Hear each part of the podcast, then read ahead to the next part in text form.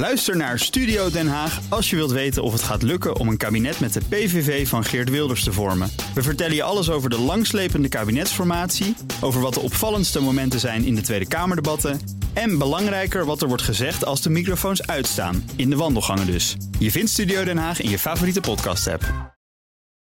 De Friday Move wordt mede mogelijk gemaakt door Otto Workforce en TUI. Live happy. BNR Nieuwsradio. The Friday Move. Vandaag past respect. This attack. Uh... Het is een non-stop spiraal van geweld. Er is geen brandstof, geen energie. Alle NAVO-landen staan achter Israël. Pure cruelty. De vraag is, wat ga je dan doen? Wilfred Genee. Op vrijdag 13 oktober, ja, na een week als deze, past enige ingetogenheid. Dat gaan we ook proberen te doen in deze uitzending van de Friday Move. Vanuit de Intel Hotel Amsterdam, Landmark. En daar is hij, Thomas Opsen.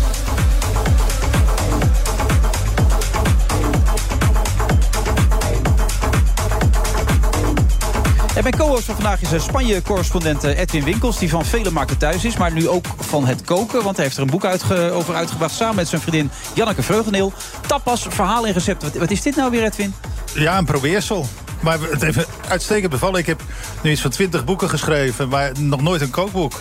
En uh, Janneke is uh, expert erin. Die heeft ook twintig boeken, alleen maar kookboeken. Dus Ja. nu we bij elkaar waren, kregen we steeds meer mensen te horen... waarom doen jullie niet eens samen een kookboek? Omdat ik al heel lang van, van, van koken en, en het altijd gedaan heb.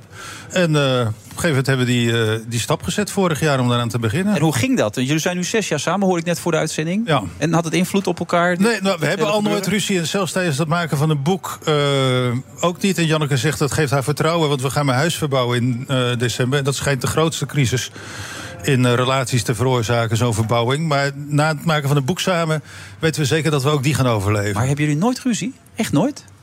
Ja, dat klinkt gek als je dat zegt. Ja, we zijn, we zijn net verliefden. V- 50 jaar, of ik ben 60, zij is in de 50. Ja. Eh, en, en dan maak je niet meer ruzie over dat soort absurde dingen waar je ruzie over maakt als je misschien 30 bent of, eh, of, of in de 20. Ik, ik weet niet hoor, maar het zal ook aan ons alle twee liggen. Ik maak nooit met iemand ruzie. Ook niet met je, met je vrouw die helaas overleden is ooit. Had je daar nooit ruzie mee? Ja, hadden we natuurlijk, maar toen waren we jonger. Ja, Dan zeg ik, dan, dan maak je toch. Dan maak je, ja, dan maak je discussie, dan, dan heb je discussies over alles en nog wat. Moet je ook nog samen kinderen opvoeden. De- Over, ik weet niet of jij dat hebt, maar vaak over de kinderen heb je ook ruzie van. eh, ik wil het zo doen en jij doet het zo of niet. Dat is best ingewikkeld allemaal, ja. Zeker als ze 14 zijn, je dochters. Ja, nee, ik heb je net voor de uitzending verteld dat ze 14 is. En dat ik er steeds naar zit en kijk. denk, hé, is dat mijn dochter? Waar gaat dit allemaal over zich? Maar daar ga ik het straks zeker met Chantal ook over hebben. Want die serie heb ik zitten kijken. Daar zat zoveel herkenning in dat ik ook dacht... jeetje, Mina, wat een gedoe zeg, kinderen ze nu en dan. Hey, maar daarover gesproken, relatie, hartstikke mooi natuurlijk allemaal. Maar ehm, ga je hier nou mee door of is het eenmalig dan? Oh, geen idee. We gaan door met koken natuurlijk. Daar houden we van. Ja. Eh, allebei. Maar dit was, nee, dit was echt een gek. Het ging niet alleen over het koken. Ik had heel veel. Ik had zoveel foto's door de jaren heen in Spanje van barretjes gemaakt, terrasjes. Het goede leven in Spanje, het eten. Het begon eigenlijk daarmee. Dat, dat, dat mensen zeiden: waarom doe je niet eens wat met die foto's? Ik zei, ja, ga geen fotoboek maken. Daar zijn ze ook net niet goed genoeg voor. Toen dacht ik, ja, bij elke foto zit wel een verhaal. Ja, nee, maar, Eh, ik kom er eigenlijk op omdat je ook vlak voor de uitzending mij vertelt dat je andere boeken niet lopen. Dus ik dacht, misschien is het wel een nieuwe business. Dat dit wel wat op gaat leveren. Ja, dat moet je ook altijd maar afwachten. Als je, het, ik word altijd eigenlijk heel blij van de boekwinkel, maar ook depressief. Want er komt een boek van jou uit en dan zie je. eh, ook ook kookboeken. Er komen elke dag in Nederland drie nieuwe kookboeken uit. absoluut, nou, ja. weet maar eens een plaats te vinden. Nou heeft Janneke de naam, dus de boekhandels hebben tenminste ingekocht. Maar als ik een roman schrijf, ja, ik ben niet bekend als een romanschrijver. Als je op tv over voetbal praat, dan denken ze, nou, die kan echt geen roman schrijven. Dus dan koopt zelfs geen boekhandel mijn roman in. En dan is dat moeilijker om te, om te verkopen. Wel Maar- mooi trouwens, zat ik te bedenken opeens. De Wereld Draait Door heeft natuurlijk een boel gedoe met zich meegebracht... nu eh, Zonder vuur ligt. Maar wel jullie relatie ook eh, toch uiteindelijk, toch? Hè? Zeker. We hebben de eerste keer dat we elkaar zagen, hadden we alleen nog een relatie. Toen sloeg er ook geen vonk over. Maar we hebben elkaar voor het eerst. Waakvlammetje misschien, Eh, dat weet je niet. Ja, dat Ja. vlammetje dat heeft toen drie jaar gebrand zonder dat we ooit nog contact met elkaar hadden. Ja. En ineens wakkerde Janneke dat weer aan met een eh, direct message op Twitter van... eh, ik ben vandaag in Barcelona en ga naar uit eten. Je had het ooit over een prachtig restaurant toen we bij de Wereld Door waren. Weet je nog welke dat is? Ik zei, ja, weet ik nog. Dan gaan we wel samen naartoe dan vanavond. Nou ja, eerst had je nog een afspraak met je kinderen om te gaan eten. Ja. Die heb, Oh, je, ik het die heb je afgezegd, omdat jij toch een onderbuikgevoel had... dat eens iets Ja, meer zou nee, kunnen ik, zijn. ik, ik is zei eerst, ik moet eerst zeggen, ik antwoordde haar ook via Twitter. Ik zeg van, nou, dit en dit is het. Je kan ook daarheen. Eh, helaas kan ik je niet vergezellen, want ik heb een afspraak met mijn kinderen. Ja.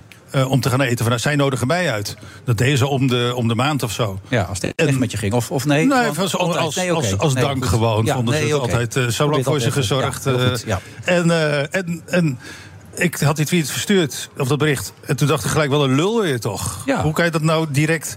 Ik wist dat ze een hele leuke vrouw was, althans dat dacht ik. Ja, Eh, stond je nog en bij. Ze vond Dat een mooie vrouw. was nog steeds dat ja, toen, dacht ik van, eh, toen gelijk mijn dochter gebeld van... Sarah, we kunnen ook morgen toch gaan eten. Ja, tuurlijk papa. Toen zei ik van, nou, dan ga ik in Barcelona eten. Dat is misschien, misschien een belangrijk etentje. Ja. En dat blijkt Voel je mijn leven veranderd.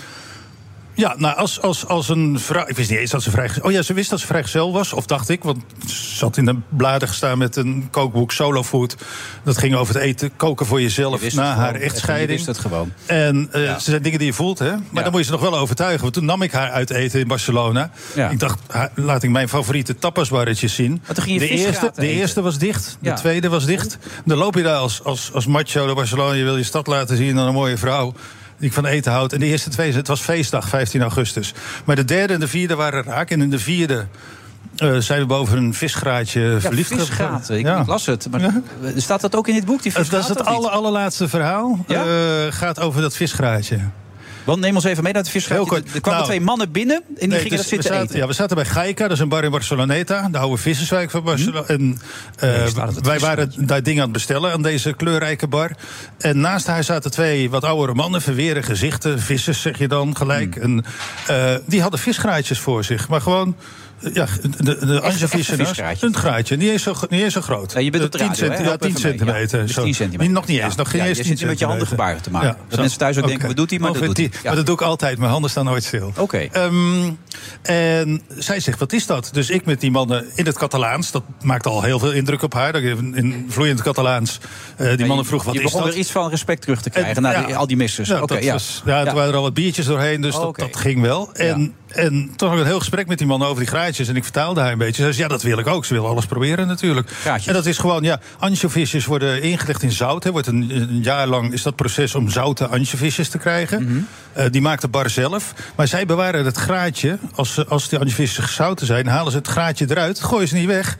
Dat doen ze in de melk even, in de bloem. Even frituren. En dan heb je ongelooflijk lekker graatje. Hoe kan je nou een graatje opeten? Een graatje kan je toch niet Dat is opeten? krokant, dat is heel klein. Sardinegraatjes kun je ook zo Ja, kun opeten. je opeten, ja? zeker, zonder te hoor. stikken. Ja. Ik heb nog een graatje Nou, deze worden juist door het frituren... Altijd zo, er zit een graatje in mijn keel, dat heb ik Nee, altijd. Je kan er doodgaan ook als die fout valt, maar niet Ja. deze. Nee, dit Oké. zijn, ze worden heel knapperig. En, en eh, het was, je eet het, ja, het vult niet, maar het is gewoon... Het, ja, voor ons natuurlijk, ons leven gaat altijd nu over de visgraatjes. eh. De gaatjes waren het begin van iets heel moois. De eerste avond heb je er netjes teruggebracht naar het Ah, hotel. ja, ja. Keurig. Maar de tweede was helemaal mis. Meteen, boem, kassa. De tweede was. gebleven. eh, toen maakte een afspraak. Nou, zij, was, we- zij ging weg. en leuk, de hè, dus. volgende dag. Weet je, RTL Boulevard is dit nu, hè? Gaan De door, volgende ja. dag waren de aanslagen in Barcelona op de Rambla. Oh ja. Dus ik was blij dat ze net weg was. Toen had ik gigantisch druk met tv, radio, eh, de krant, het AD. eh, Voor die aanslagen. En toen dat allemaal gekoeld was, toen na een maand of zo. Ja, we hadden toen wel voortdurend eh, WhatsApp-contact. eh, Weet je, van die video-calls. Ja. En we begonnen elkaar steeds leuker te vinden. Dus toen zei ik van, nou, dan kom ik, kom ik een keer naar Nederland. En eh, dan blijf ik bij mijn ouders slapen. Nee, dat doe ik dan altijd. Ze zei, nee, kom, bij, kom dan bij mij slapen. Ik zei, ja, weet je zeker? Ik zei, nou, als het fout gaat, dan ga ik, je weet, dan heb ik mijn ouders. Dan kan Ja. ik daar naartoe. Maar ik ben die week gebleven en eh, eigenlijk nooit meer weggegaan. Toen waren jullie bij Schiphol en toen stap je je bijna in. En toen zei je... Wat zei je toen tegen haar? Ik hou van jou. Ja. Of ik denk dat ik van je hou. Nou, je stond Oh, in, heel de interviews las ik, ik hou Ik van jou. dat en als een man dat als eerste zegt, dan schijnt het ook wel bijzonder te zijn. Dus zij moest toen heel even denken. Ja. En toen zei ze, ik denk het ook. Dus... Wel mooi. Ja, en sindsdien, eh, we leven nog steeds hetzelfde. hè. Dus zij in Den Haag, ik in Sitges bij Barcelona. Eh, we reizen op en neer. Ehm, zijn wel vaak lang bij elkaar. Of bij het maken van zo'n boek bijvoorbeeld natuurlijk. De, maar ja, dat kun je ook eh, online met elkaar contact hebben... om, om het kort te sluiten en een beetje... Jij zit in een perfecte situatie, hoor ik, Edwin. Ik denk dat veel mensen jaloers op jullie zijn. Oh, ik denk het wel. Ja. Nou ja, als je... ik Wat, eh, Ik, ik heb niet over zelf, hoor. Maar ik denk dat heel veel mensen heel jaloers op jou zijn. Ik noem, het, ik noem het zlatten. eh, zeer lange afstand eh, relatie heet dat dan, geloof ik. Of zo. Ja. Ja, zoiets, hè? Nee, soms wil je eerder terug bij elkaar zijn, of, of wat langer. Maar soms, als we bij elkaar zijn, zijn we gewoon drie weken intensief, 24 uur bij elkaar en we doen hetzelfde werk een beetje. Even voor de duidelijkheid, het boek gaat over eten. Ja, Ja, nee, oké. Alleen dat maar. die mensen denken, ga ik nou een liefdesboek kopen... of ga ik nou een boek over eten? Nee, het gaat over eten? Nou, het, gaat- het boek gaat over eten, maar de verhalen gaan over alles van Spanje. Gaan over Franco, eh, Ja. gaan over het had het, slavernijverleden. Zelfs een, een hoofdstukje gaat over de dorpjes. Want daarom heet ze ook donderdag paella, heb ik begrepen. Maar daar kunnen we straks er even over Gaan we het dus doen. Gaan we zo doen. Ja.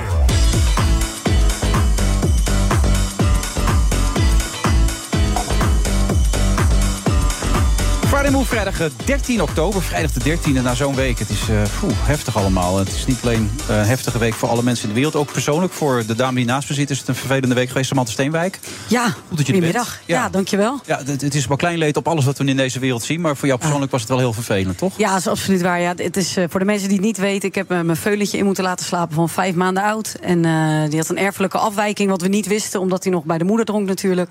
En op het moment dat we hem hebben afgespeend, eh, kwam dat eh, eigenlijk naar voren. Dat hij, dat hij dus niet zelfstandig kon eten. Dus eh, alles, eh, alles op alles gezet, doktoren erbij, maar was gewoon niks te redden. Was maar twee centimeter van zijn slokdarm wat werkte. Hmm. En dan krijg je eten niet meer weg. Dus ja, dat mensen was, zeggen eh, in alles wat er nu in de wereld gebeurt, waar heb je het over? Maar voor jou Ja. persoonlijk kan dat enorm veel doen. Dat is 100% waar, tuurlijk. Je moet altijd eh, alles in perspectief zien, zoals ze dat zeggen. Maar ja, voor, voor dit staat natuurlijk zo dichtbij. En dat, dat beestje, dat heb je geboren zien worden. Dus dat is, dat is vreselijk zuur. Ja. En dat wil je niet. Ja, Nee. Dat is echt, echt shit. Absoluut. Maar het is, ik heb vandaag een beetje een knopje omgezet. Maar ik wist niet dat mensen veel kon huilen. Nee, heb je zoveel geld? Ja, dat is echt, echt onvoorstelbaar. Dat je zo'n verdriet kan hebben van een beestje. Ja. Ja. maar goed, ja, dat eh, is ook alweer het mooie aan dieren. Maar het is ook eh, leed. En hoe gaat het verder met je? Want er was Verder een tijd dat, je gewoon 26 zenders aan kon zetten... of de radio aan kon zetten. En dan stond ze met de Steenwijk in beeld. Ja, dat moet toch ook? minder geworden. Maar hoe gaat het nu met je? Nee, het gaat heel goed. Nee, dat, het, het was natuurlijk coronatijd. Ik heb heel veel eh, televisie gedaan in die tijd. En dat is ook zo gek, wat mensen die zeggen... oh, je was niet van de tv te slaan en bijna tot vervelens aan Je toe. was niet van de tv te slaan. Dat mag ook. Echt waar. Maar je verschat jezelf ook niet. eh, nee, verkeerd maar het is in, mijn hè? werk. Maar ik vind het wel heel erg leuk om te Ja. zien. Ik kijk altijd naar jou. Maar goed, dat terzijde. Eh nee, maar als artiest zijn hadden we natuurlijk niks te doen. Dus dan maar mijn werk een beetje verleggen. En eh, dat was prima. Dat vind ik ook heel leuk om te doen. Ik hou ook echt van televisie maken. Maar nu mag ik gewoon weer zingen. Dus eh, doe ik Ja. de leuke dingen, de krent uit de pap. Daar, daar ben je bekend door geworden, hè? Dat mensen wel Het weten zingen. de. Ja, nee, dat, soms ga je dat vergeten. Ik heb ook nog wel eens ansjovisjes gefrituurd vroeger. Maar dat, is niet, eh, dat was geen doorbraak. Dancing met de Stars of zoiets. Alles heb je gedaan, volgens mij. Dancing Maar- with the Stars, de Ja. Masked Singer, inderdaad, Verraders. eh. Ja. Maar ik vind het ook gewoon heel erg leuk om te doen. Dus waarom zou ik het niet doen? Nou ja, je hebt gelijk. Toch of niet? En de schoorsteen moet roken, zeggen ze dan toch? Zo is het ook. Het is ook wel lekker een goede boterham te hebben. Ken jij Samantha Steenwijk eigenlijk, Edwin? Moet ik nou eerlijk zeggen? Nou, Echt ja, eerlijk gewoon zijn. Ja, gewoon niet. Nee, qua naam wel, maar eh, A, ik kijk dus geen tv, of nauwelijks tv. Dus ik, ik zie jullie beiden, ja, jou ken ik al langer natuurlijk. Ja. Maar ik zie jullie, eh, of hij nu in het echt, maar op, op tv dus bijna niet. eh, wel een beetje geïnformeerd. Nee, ik weet dat zij de, de, de nou ja, soort, mag ik zeggen, volks... eh, Ja, zeker. zangeres, Absoluut. van, Waarom zou dat niet mogen Nederland zeggen, was, met een waanzinnige stem. En, eh, maar vraag me niet nu een, eh, een liedje op te noemen of zo. eh, Dan gaan we zo draaien. Ja, wat is je allergrootste hit eigenlijk? Want ik zat ook te zoeken. En dat is toch vreselijk, Wilfred? Ja, ik zat echt te zoeken namelijk. Weet je, het is een Dat liefde drama. voor altijd met René kan ik me een beetje Dat was heel leuk, inderdaad. Nee, maar het is, het is eh, voor vrouwen in de volksmuziek bijna niet te doen. Dat is echt zo. Ga je weer, ik ben helemaal niet zo iemand zo voorvechten, dat wil ik ook helemaal niet gaan doen. Maar je had vroeger Corrie Konings, die heb Ja. ik nog steeds gelukkig. Maar Ja, Bonnie Sinclair, het gevoel van Willeke. Alberti, ja, Ja, noem maar zangeres zonder naam. Zangeres zonder naam, inderdaad. Niet, absoluut. Zij is zoveel gedaan volgens mij. Ja, dat Eh, is absoluut waar. Maar nu, ik hoor ook van zoveel zangeressen om me heen. Er is gewoon geen Ik doorkomen had van de week Willeke Alberti nog opstaan met hoofdvuur op je schouders. Heerlijk nummer. Dat is toch zo'n goed liedje? Dan kom je aan, dan rij je vanuit die studio, zet je hem keihard, zet je mee te is niet normaal. Ik zat van de week serieus te denken. Net als met die hele Engelbewaarder, het verhaal. is natuurlijk ook zo'n cover van vroeger. Misschien moet ik dat liedjes gaan doen. Maar is bij, de mannen ook al niet, is bij de mannen ook al niet wat minder dan vroeger? Nee, juist meer. Wel, het Ja? is niet te houden, man. Het is Ja, echt... eh, ik dus hè? ook niet. Nee. Ja, met tassen vol komen die eh, thuis allemaal, die gasten. Die, eh, sorry, Maar het dat is wel een hele tijd weg geweest. Dat is wel zo. Met de mannen, die waren de, sowieso de volksmuziek. Maar nu heb je natuurlijk Tino Martin en Mart Hoogkamer. En Ja. Schuitmaker die natuurlijk nu goed doet. Ja, je moet eigenlijk ook iemand hebben op de radio die het als een grap... waar het eigenlijk als een grap mee begint. Wat Ja, met heel veel van die liedjes ja. zijn gebeurd. Die ken En ik dan- ook toevallig een beetje, die jongens. Ja, die hadden ook een leuk nummertje met aperolletje en zo. Ja, ik weet niet dat nog hebben. Oh, kijk, daar is hij. Nou ja, daar is hij weer. Dat toevallig. Jij ging, gewoon, hè? jij ging in mijn vaarwater zitten gewoon. Het was ongelooflijk. Ja, het is wel een lekker nummer. Maar ja, het zat dit week, of deze zomer niet zo mee voor, voor Wesley helaas. Dus Ja. daar konden we niks mee doen. hey, maar je hebt een nieuwe. Mogen we hem laten horen of zeg je liever niet doen? Zeker, ja natuurlijk. ik ben er heel trots op. Even een stukje luisteren? Ja. Als we het ook even beoordelen. De wijzers van de klok vertellen mij het is al nacht. Wat heb ik weer de avond Net iets te gezellig, maar dat had ik wel verwacht. We hebben weer geschiedenis geschreven.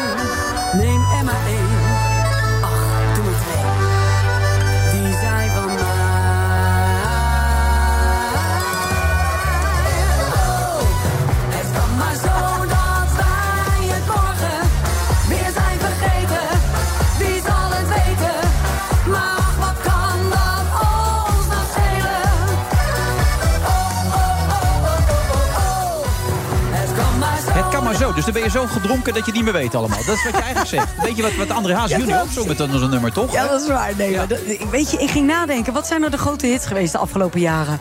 Nederlandstalig, het volkse. Mhm. Dat is allemaal een beetje bijna gimmickachtige liedjes. Bacardi Lemon hadden we natuurlijk. Oh Eh, de, de, de Engelbewaarder is natuurlijk ook een heel apart liedje. We hadden de Toreador. Ja, ik ga naar Spanje. Heb je de- de In Spanje, het zijn in allemaal een Spanje, beetje- In Spanje, dat, vind- dat moet jou aanspreken, Ja, dat nummer. zeggen. Of dat ken je ook niet? Nee, bovendien is het niet. Tor Toreador bestaat niet. De Toreador, ja, zo is het liedje. beetje- Torero. Ja? Torero. Dus het nummer slaat als kut op Dirk? Ja, ze moet Torero Ah, ja, zingen. maakt er ook geen reet uit. Maar dat, weten wij dat, toch niet in dat Nederland? dat weer niet. Nee. Nee, hoor, dat weet ik niet. Nee, maar maar nummer de- in Spanje, in Spanje, Ja, in nee, Spanje. nee. Dat ken je niet. Viva. dat is heel Camarina oud. begon er ooit mee. Ja, heel maar dat is oud. echt heel oud wat ja. jij nou doet. Het is Ja. echt toen die tijd dat je hier nog woonde. Ja.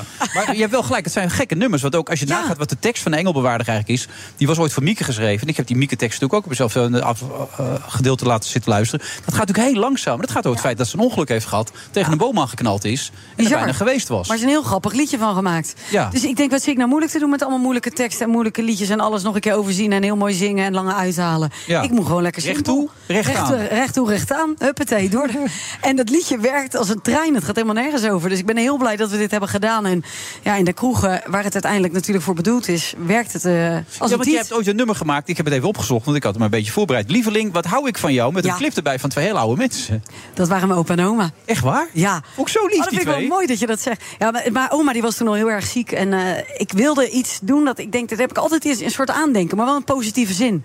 En toen hebben we mijn oma daar naartoe eh, gesleept, zowat. Want die, die kon weinig meer. Ja. En die konden we daar neerzetten. Nou, een paar maanden later overleed ze ook twee maanden. Maar die, die zaten dus, en die hield altijd van dansen. En het ging een liedje over dansen. En toen zaten We zaten daar echt nog verliefd aan te kijken, die Was twee. enig, toch? was echt leuk om te kijken. Ik zat vanmiddag te bekijken. Ik, oh, wat een lieve, Ja, een liedje had ik was ook dat. zelf geschreven. Dus ik ben er nog steeds apen trots Maar op. ik las dus ook dat hij dus drie weken in de top 10 in de Noorland, No- Noorwegen heeft gestaan. Daar snap ik helemaal geen ene reet van. dus Jij? dat moest jij maar gaan uitleggen nu. Dus dat ja, ik weet het ook weten. niet. Ik heb er ook nooit een, een, een optreden uitgehaald daar in Noorwegen. Maar hij stond daar dus in de top 10. En hoe dat liedje daar komt, wat ermee is gebeurd, ik snap er helemaal niks van. En zie je daar dan royalties over? Als je, eh, verdien Ja. jij iets aan, denk? Ja, Of, valt eh, mee, want dat is allemaal. Ja, die, dat, dat is natuurlijk allemaal niet meer de vetpot. Nee. Als wat het vroeger was. Vroeger, als je een hit schreef, dan, werd er, eh, dan hoorde je een ton daar en een ton daar. Nou, tegenwoordig moet je blij zijn als je er lekker een keer van uit eten kan. Moet je het echt van je optredens Jij hebben. weet dus zelf niet hoe dat kan. Geen je, je flauw kan toch idee. niet, lieveling, ik hou van jou en dan in Noorwegen een hit hebben? Dat Nou, kan toch ik, helemaal ik, niet? Ik, eh, ik leef mijn eigen leven bijvoorbeeld, wat ik bij The Voice eh, zong. Ja. Eh, Die kwam in de top 10 beste audities wereldwijd van The Voice in dat jaar. Dat je ook denkt, ja, hoe komt dat er dan? Mensen die snappen die tekst echt niet. Maar het is misschien dan toch een gevoel of zo. Ik heb geen flauw idee. Apart, hè? Ja. Ja. In Spanje heb ik het niet gehoord. Niet? Nee, maar volgens mij de laatste Nederlandse hit in Spanje was Venus. eh, Mariska Veres. Ja. Ook uit Den en Haag. Too Unlimited, denk ik. Da- da- daarna, of, eh, Maar welke muziek is dan pop- populair in Spanje? Nou, ik denk, elk, elk land verdient of heeft zijn eigen volksmuziek. Heb je in Spanje ook natuurlijk. Spanje is dat, Dat zat ik me altijd af te vragen. Bij ons was Julio op een gegeven moment, Julio Iglesias, Ja. heel populair. Hoe was dat in Spanje Hij is net eigenlijk? 80 geworden. En daar is hij ook waanzinnig populair. Ja, oké. en, en in zijn stijl zijn de hele beroemde... Vooral in Spanje zijn de zangeressen ook veel. De copla heet dat. Dat zijn levensliederen. En het andere volkszang is de flamenco natuurlijk. Dat een beetje afgeleid. Die bestaat wel, die flamenco. Dat we niet daar ook... eh, Bestaat nog steeds. Nee, die bestaat echt. nee, die bestaat echt, Die, eh, en die wordt nog altijd gezongen. Het is wel zinnig mooi.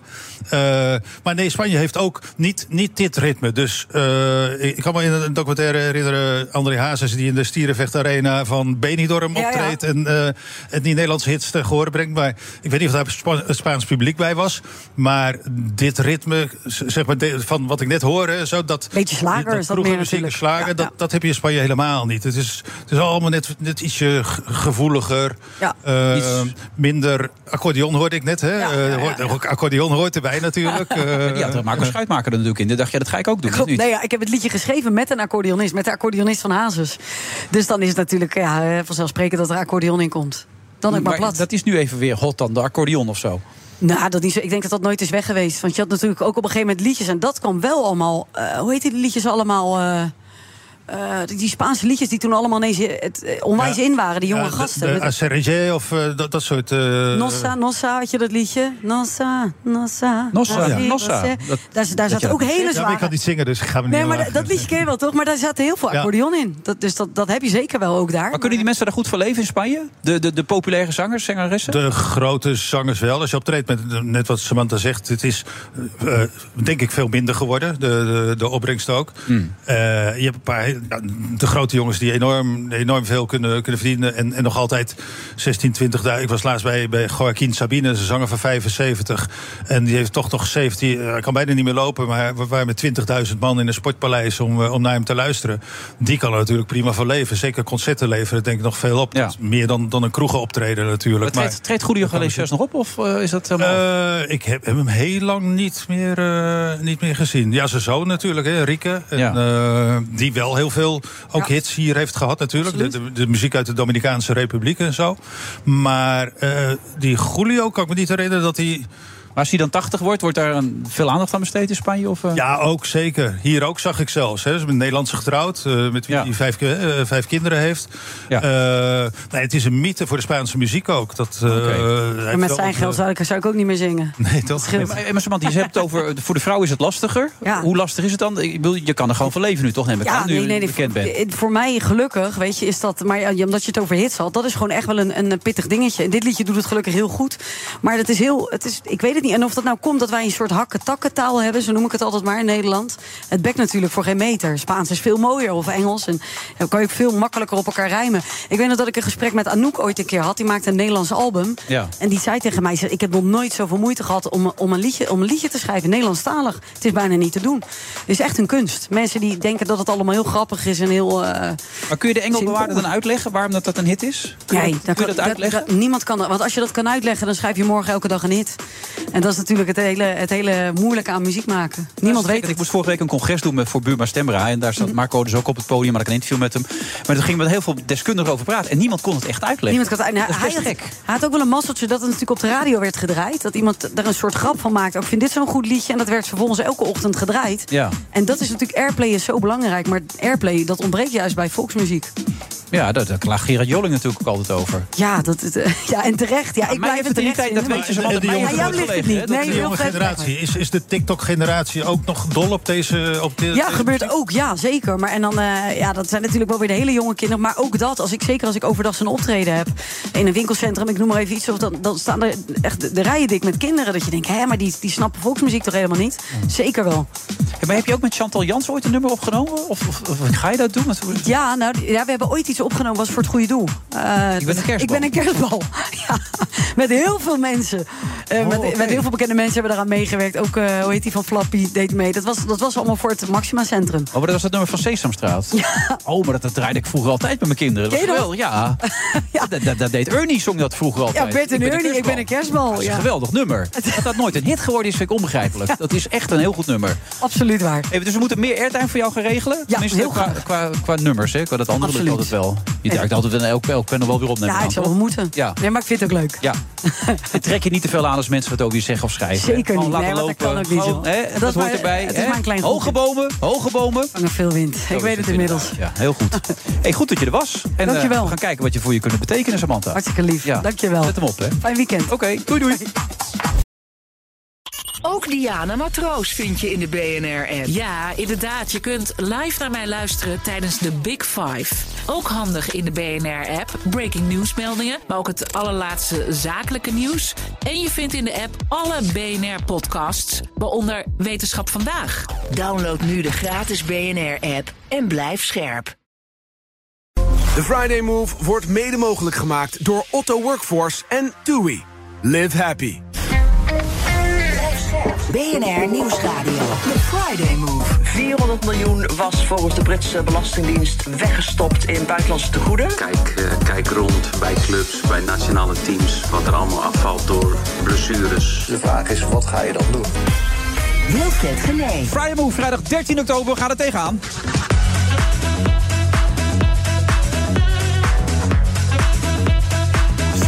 We gaan er tegenaan. Waar slaat dat op? Ik heb geen flauw idee. Maar onze eigen DJ is wel. DJ Thomas Robson.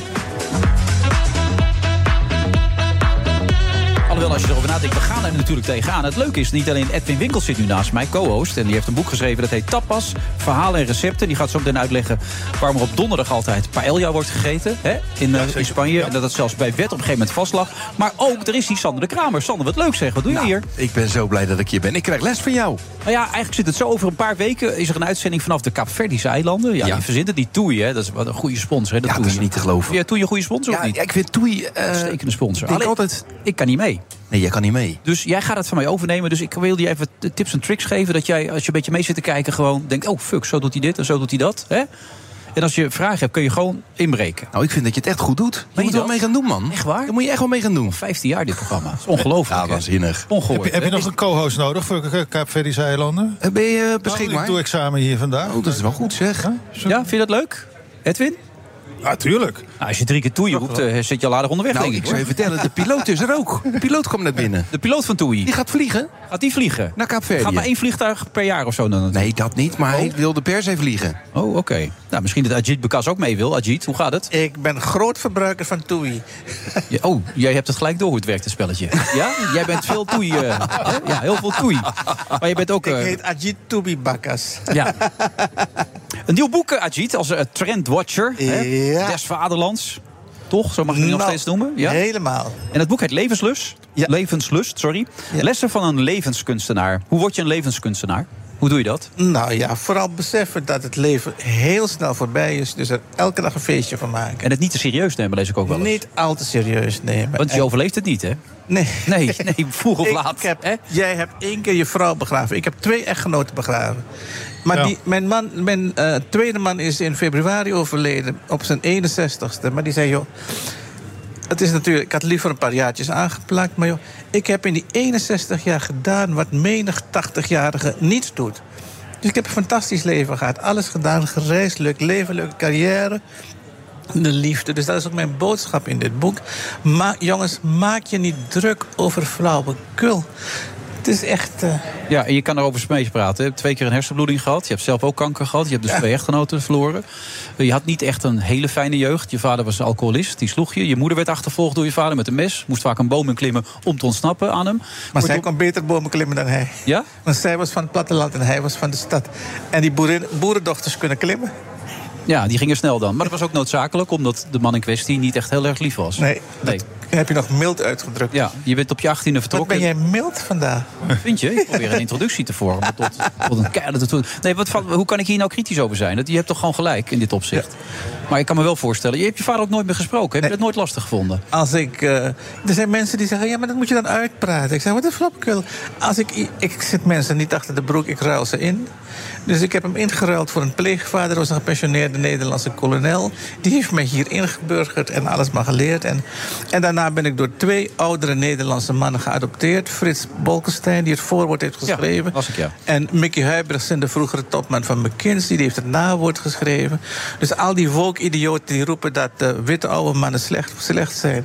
Dankzij deze witte oude mannen ben ik geworden wie ik vandaag ben. Ja. Dus eh Bolkestein noemde mij zijn choco-adoptiefje. Mickey noemde mij zijn jeugdneger. Dat is toch heerlijk?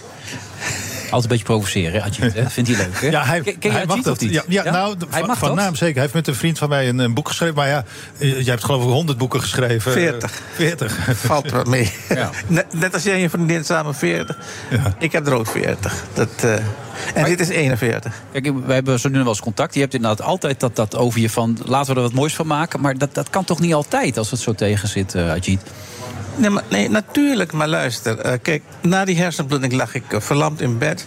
En die verpleegsters gaan je dan toespreken alsof je een demente kleuter bent. Of, of iets. Ik zoiets van, eh, wat een kutwijven. Als ik dit wil ontwo- ontworstelen, dan, dan moet ik gewoon keihard gaan werken... en keihard gaan revalideren om hier weg te komen. Ja. Dus, en ik heb van mijn moeder op mijn veertiende leren mediteren... want dat is een soort stofzuigen van je ziel. En daardoor kon ik beter met de woedeaanvallen van mijn vader overweg.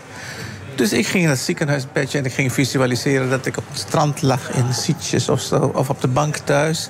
In plaats van bij al die zorgheksen. Want echt, je, de, de, de- ik heb niet geklapt tijdens de coronacrisis voor die verpleegsters. Wat een zorgheks. Dit is wel heel generaliserend wat jij nu doet, eh, Ajit, hè? Ik ben mild gestemd vandaag. Ja, Maar je, je hebt de verzorgster, je bent met een verzorgster ook hier. Die heb ik Maar dus- dat, dat is geen heks. Dat is, nee, Anna is een schat. Dat Ja? is, eh, Anna komt uit Slowakije, dat is mijn verzorgster. Die woont bij mij thuis, want ik ben links verlamd. Ik kan me dus niet zelf wassen en aankleden, want ik voel links ook geen heet water. Ik mag ook niet mezelf koken, want ik voel geen fornuis. Dus zij wast, zij kookt, zij kleedt mij aan, dus dat ik er netjes uitzie, dat, eh, dat doet zij. Zij eh, eh, kookt voor mij, zij laat de hond uit, ze doet het huishouden, ze rijdt mij, maar ik mag niet meer auto rijden. Dus het is allemaal... maar daardoor is het leven buitengewoon draaglijk. Ja. Hoe was dat voor jou eigenlijk, om toch een persoonlijke vraag te stellen? Want ik bedoel, het kwam even te sprake natuurlijk dat je je vrouw verloren bent. Hoe was dat voor jou, die periode daarna dan? Kon je diezelfde levenslust waar hij het nu over heeft op, opbrengen? Of? Ja, nou, nou, ja, we waren heel jong, we waren achter in de 30. Ja. En dat, dan, dan, dat was voor de eerste keer dat ik echt met de dood zo dichtbij te maken had. Mijn ouders leven nu nog steeds bijvoorbeeld. Dus eh, het was heel nieuw voor mij. Dus dit was de tweede begrafenis in mijn leven. En dat was die van je vrouw. Dan moet je wel enorm omschakelen. Maar ze was wel heel lang ziek. Dus er was ook iets. Ik zeg altijd, met, met zo'n ziekte eh, eh, is de rouw al een beetje vooraf. Ja. En daarna maak je de stap. Je moet twee hele jonge kinderen, die waren 8 en 10. Je moet verder. Bij mij waren het de kinderen die me er echt ook doorheen hielpen. Maar ook de mentaliteit. Ik, vorig, vorig jaar gaf ik een interview in AD eh, erover. Van, mijn, mijn instelling is ook altijd geweest: geniet, geniet, geniet.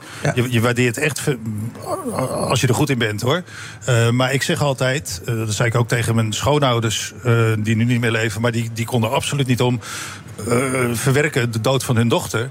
Eh, en, en ik heb tegen hun gezegd, het hielp niet. Het ook vaak tegen andere mensen. Als het leven van een dierbare eindigt, betekent niet dat jouw eigen leven ook moet eindigen. Want dat zou hij of zij zou dat absoluut niet voor jou gewild hebben. Maar, je, je hebt er niks aan om zelf dan ook half dood te gaan of zo, toch?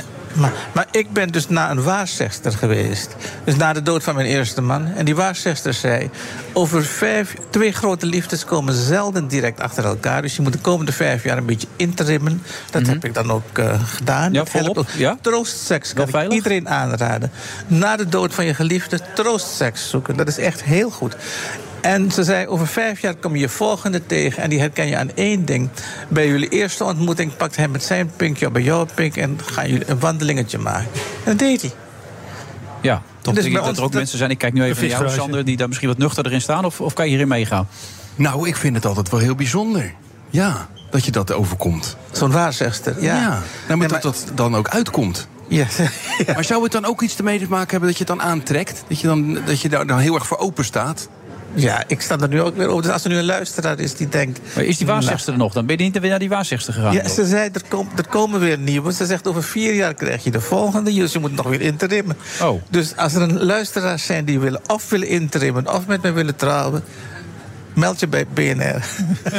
Weet je nog de, de legendarische waarzegger en paragnost Henk de Gier? Henk de Gier, ja. Ah, dat was ook een legende. Ja, dat is bijzonder. Maar die, die ging toch eh, die ging keihard onderuit. En Toen, zei, toen, weet je, toen kwam hij de studio in en toen ging hij vol op zijn giegel. En toen zei de presentator, die zei meteen van... joh, dat had je toch kunnen voorzien, of niet?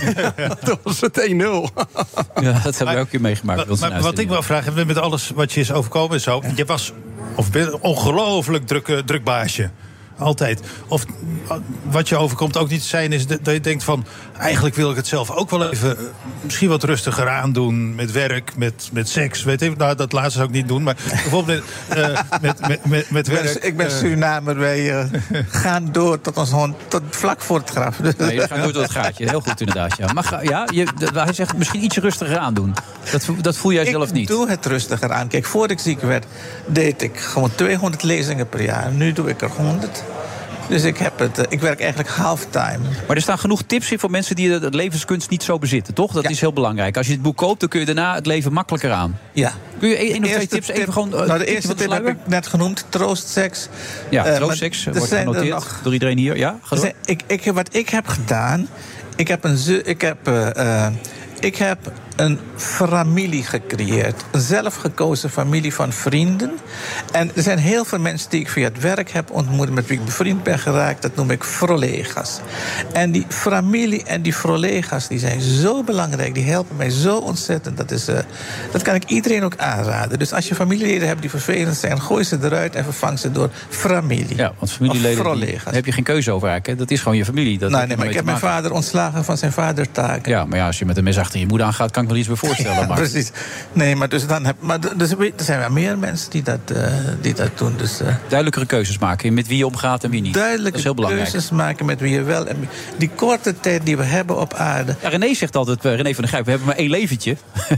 We maken daar niet zoveel ruzie met z'n allen. Dat is zo belangrijk, hè? Maar toch? daar ben ik niet met hem eens, want je kunt reïncarneren. Ja, maar goed, dat is zijn gevoel Alleen niet. moet je niet terugkomen als kip of als koe, maar dan beland je in de pan. Hey, je, je stuurde me van de week ook nog een appje. Je wilde even het, het probleem in, Israël opla- op, op, oplossen. Dus vergeten, mijn man was Joods. En zijn vader was na zijn scheiding van zijn moeder geëmigreerd naar Israël. En die woonde in Ashdod, vlakbij Gaza. En als wij bij mijn schoonvader op bezoek waren, moesten we ook om de havenklap gezellig in de schuilkelder. En dan zaten we ons te vervelen in die schuilkelder. En toen zeiden we, hoe zouden we dat kunnen gaan oplossen? En toen bedachten we een ideetje. Mijn, vader, mijn schoonvader zat in een, een vredesgroepje daar met Joodse en eh, Arabische Israëli's. En toen hebben we dus bedacht om gewoon een groot stuk land op te spuiten voor de kust van Gaza. En het heilige land dan gewoon twee keer zo groot te maken. Als de koek groter is, is het een typisch Nederlandse oplossing. Als de koek groter is, is het makkelijker te verdelen. En, eh, Maar gewoon een eilandje erbij bouwen, gewoon, zeg maar. je kunt het gewoon groot maken. En bovendien, voor de kust van Gaza ligt een enorm gasveld. Dus als je dat dan gaat exploiteren, dan kunnen die mensen hartstikke rijk worden. Dus in plaats van raketjes te gooien, dat te doen. Maar ik vond het dat je... Vervolgens heeft mijn schoonvader dat filmpje aan Netanyahu laten zien. Die, eh, die toen ook al premier was. En die vond het leuk. Die heeft zijn ambtenaren erop gezet. En die hebben toen net een persbericht uitgestuurd. Israel considers building uh, an island in front of Gaza. Er is later niks meer gebeurd, maar er kwamen allemaal gedoetjes eh, tussendoor. Maar, eh, Het zou nu een uitkomst zijn als ik het zo hoor. Ja. Als je ziet, dat ze kunnen nergens naartoe, die mensen. Het is verschrikkelijk. maar maak die koek gewoon groter. Ja.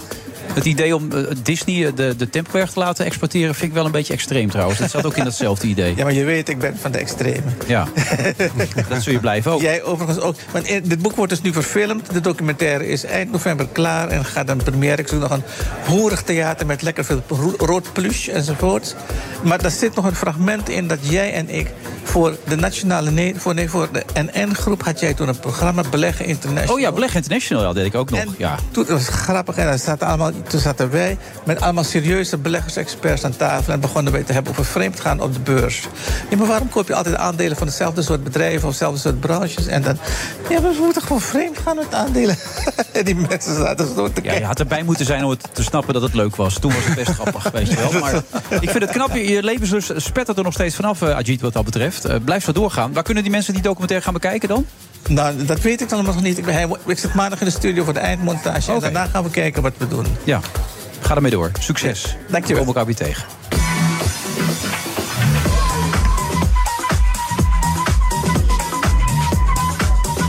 Vrijdag 13 oktober, vrijdag 13. Ben jij een beetje bijgelovig, Sander, ook? Of heb je er helemaal geen last van? Ja, wel, een beetje wel. Toch wel? Ja. Wat gebeurt, waar merk je dat aan dan? Vanochtend Nou, toch een beetje met een ander gevoel? Ja, nou, ik heb het met name eh, met tennissen gehad. Ik kon best wel goed tennissen. Met dan- tennissen? ja, ik kon best wel goed tennissen. Ja. En dan sta je in je uppie te ploeteren op die baan. En toen kreeg ik echt een beetje van die Nadal-trekjes. Weet je wel, over de lijn heen stappen. En, en, en met de bal waar je, waar je net een rally mee had gewonnen... die moet je dan weer pakken voor de volgende rally. En toen dacht ik eigenlijk, waar ben ik nou mee bezig, joh? Ja, dat vond ik wel ver gaan. Dat heb je Ja, uit, abs- absurde van dit soort dingen. Vrijdag de 13e in Spanje is het Martesitrette. Dinsdag de 13e. Dinsdag de 13e. Dinsdag de 13e is de ongeluksdag. Helemaal niks vrijdag de 13e. Nee, maar daar, het heeft wel te maken met de apostelen. Eh, ik weet niet waar het vandaan komt, maar het is de Anglo-Saxische cultuur is overal Friday de Het verraadt 13. op de En, 13e. eh, ja? Ja. Dan, dan weet je meer van ik. eh, dan. Maar misschien dat we later nog even op terug kunnen komen. Maar Zo nu is zit. Marlijn Weerdenberger. Be- Weerdenburg moet ik zeggen hier. Dat staat er veel dan, hè? Zangeres, songwriter, actrice, presentatrice, entertainer. Jeetje, Ja, dat staat hier veel. allemaal. Ik bedoel, ik doe niet veel met mijn draaiboek, maar die dingen zoek ik altijd even op. Ik denk, wat zou iemand allemaal doen? Ja. Nou, dat doet ze dus. Ja. Wat, wat springt er nu even uit voor dit moment dan? Eh, op dit moment denk ik eh, zingen en presenteren. Zingen en presenteren. Ja. En wat vind je dan het leukste van de twee? Dat Want vragen mensen altijd aan mij. Ehm, maar ik vind de afwisseling het allerleukste. Dus ik, ik ben ook actrice. Dat, Mm. dat doe ik ook af en toe. Ja. Ik mag presenteren, zelf liedjes schrijven, optreden. Ja, ik, ik hou van die afwisseling. Ik ben een beetje snel Ik vind zingen het leuker, maar dat kan het niet. dat is een beetje lullig natuurlijk. Ja. Dus moet ik maar presenteren. Nee, joh, jij zingt toch af en toe? Jij kan toch lekker Ik zing- ik kan niet karaoke zingen? Nee, ik kan, ik kan meezingen. Ik kan karaoke, ja. dat Nou, is heel wat anders. Ik heb jou eh, op de bar zien staan. Waar was het in Gran Canaria? Dat vond ik echt goed. Was die dronken? Toen hadden we wel het gedronken met z'n allen. Ja, nee, daar komen we niet meer op terug. En hoe kwamen jullie daar, jongens? Via, via Toei. hè? Nee, ja. ja, maar denk jij natuurlijk. Ja. Ik denk, ik geef hem er nog eentje. Ja, nee, doe je heel goed. Jij Weer ook, benoemd. Ja, ik wil dat hij meegaat Jij wil ook natuurlijk. mee dus? Ja, ik wil ook wel mee. Leuk. Ja, Ja, Freddy's hartstikke leuk. Eilanden. Ja. Nou ja, Toei zit mee te luisteren, denk ik. Wordt allemaal geregeld. maar je komt voor een nieuwe single, neem ik aan, toch? Klopt, ja, dat is We hebben net, eh, net wat laten horen van eh, Samantha Steenwijk. Ik, ik durf bijna niet te vragen, maar zou dit eerst wat mogen horen? Of zeg je niet? Natuurlijk, Ja? tuurlijk. Oké, gaan we even luisteren. Het was anders dan ik altijd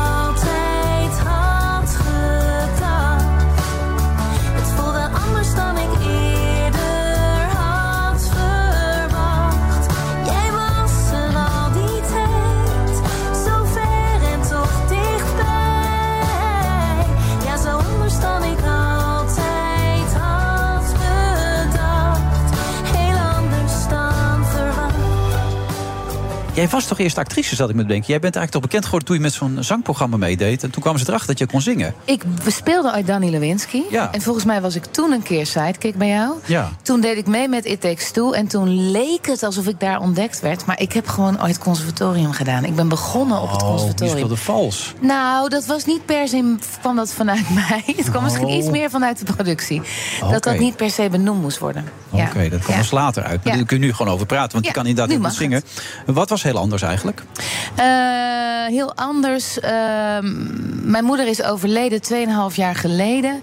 Eh, heel plotseling. Eh, Bij jou was het een heel ander proces. Bij mij was het een soort van rouw die ineens kwam. En dat duurde heel lang voordat het tot uiting kwam.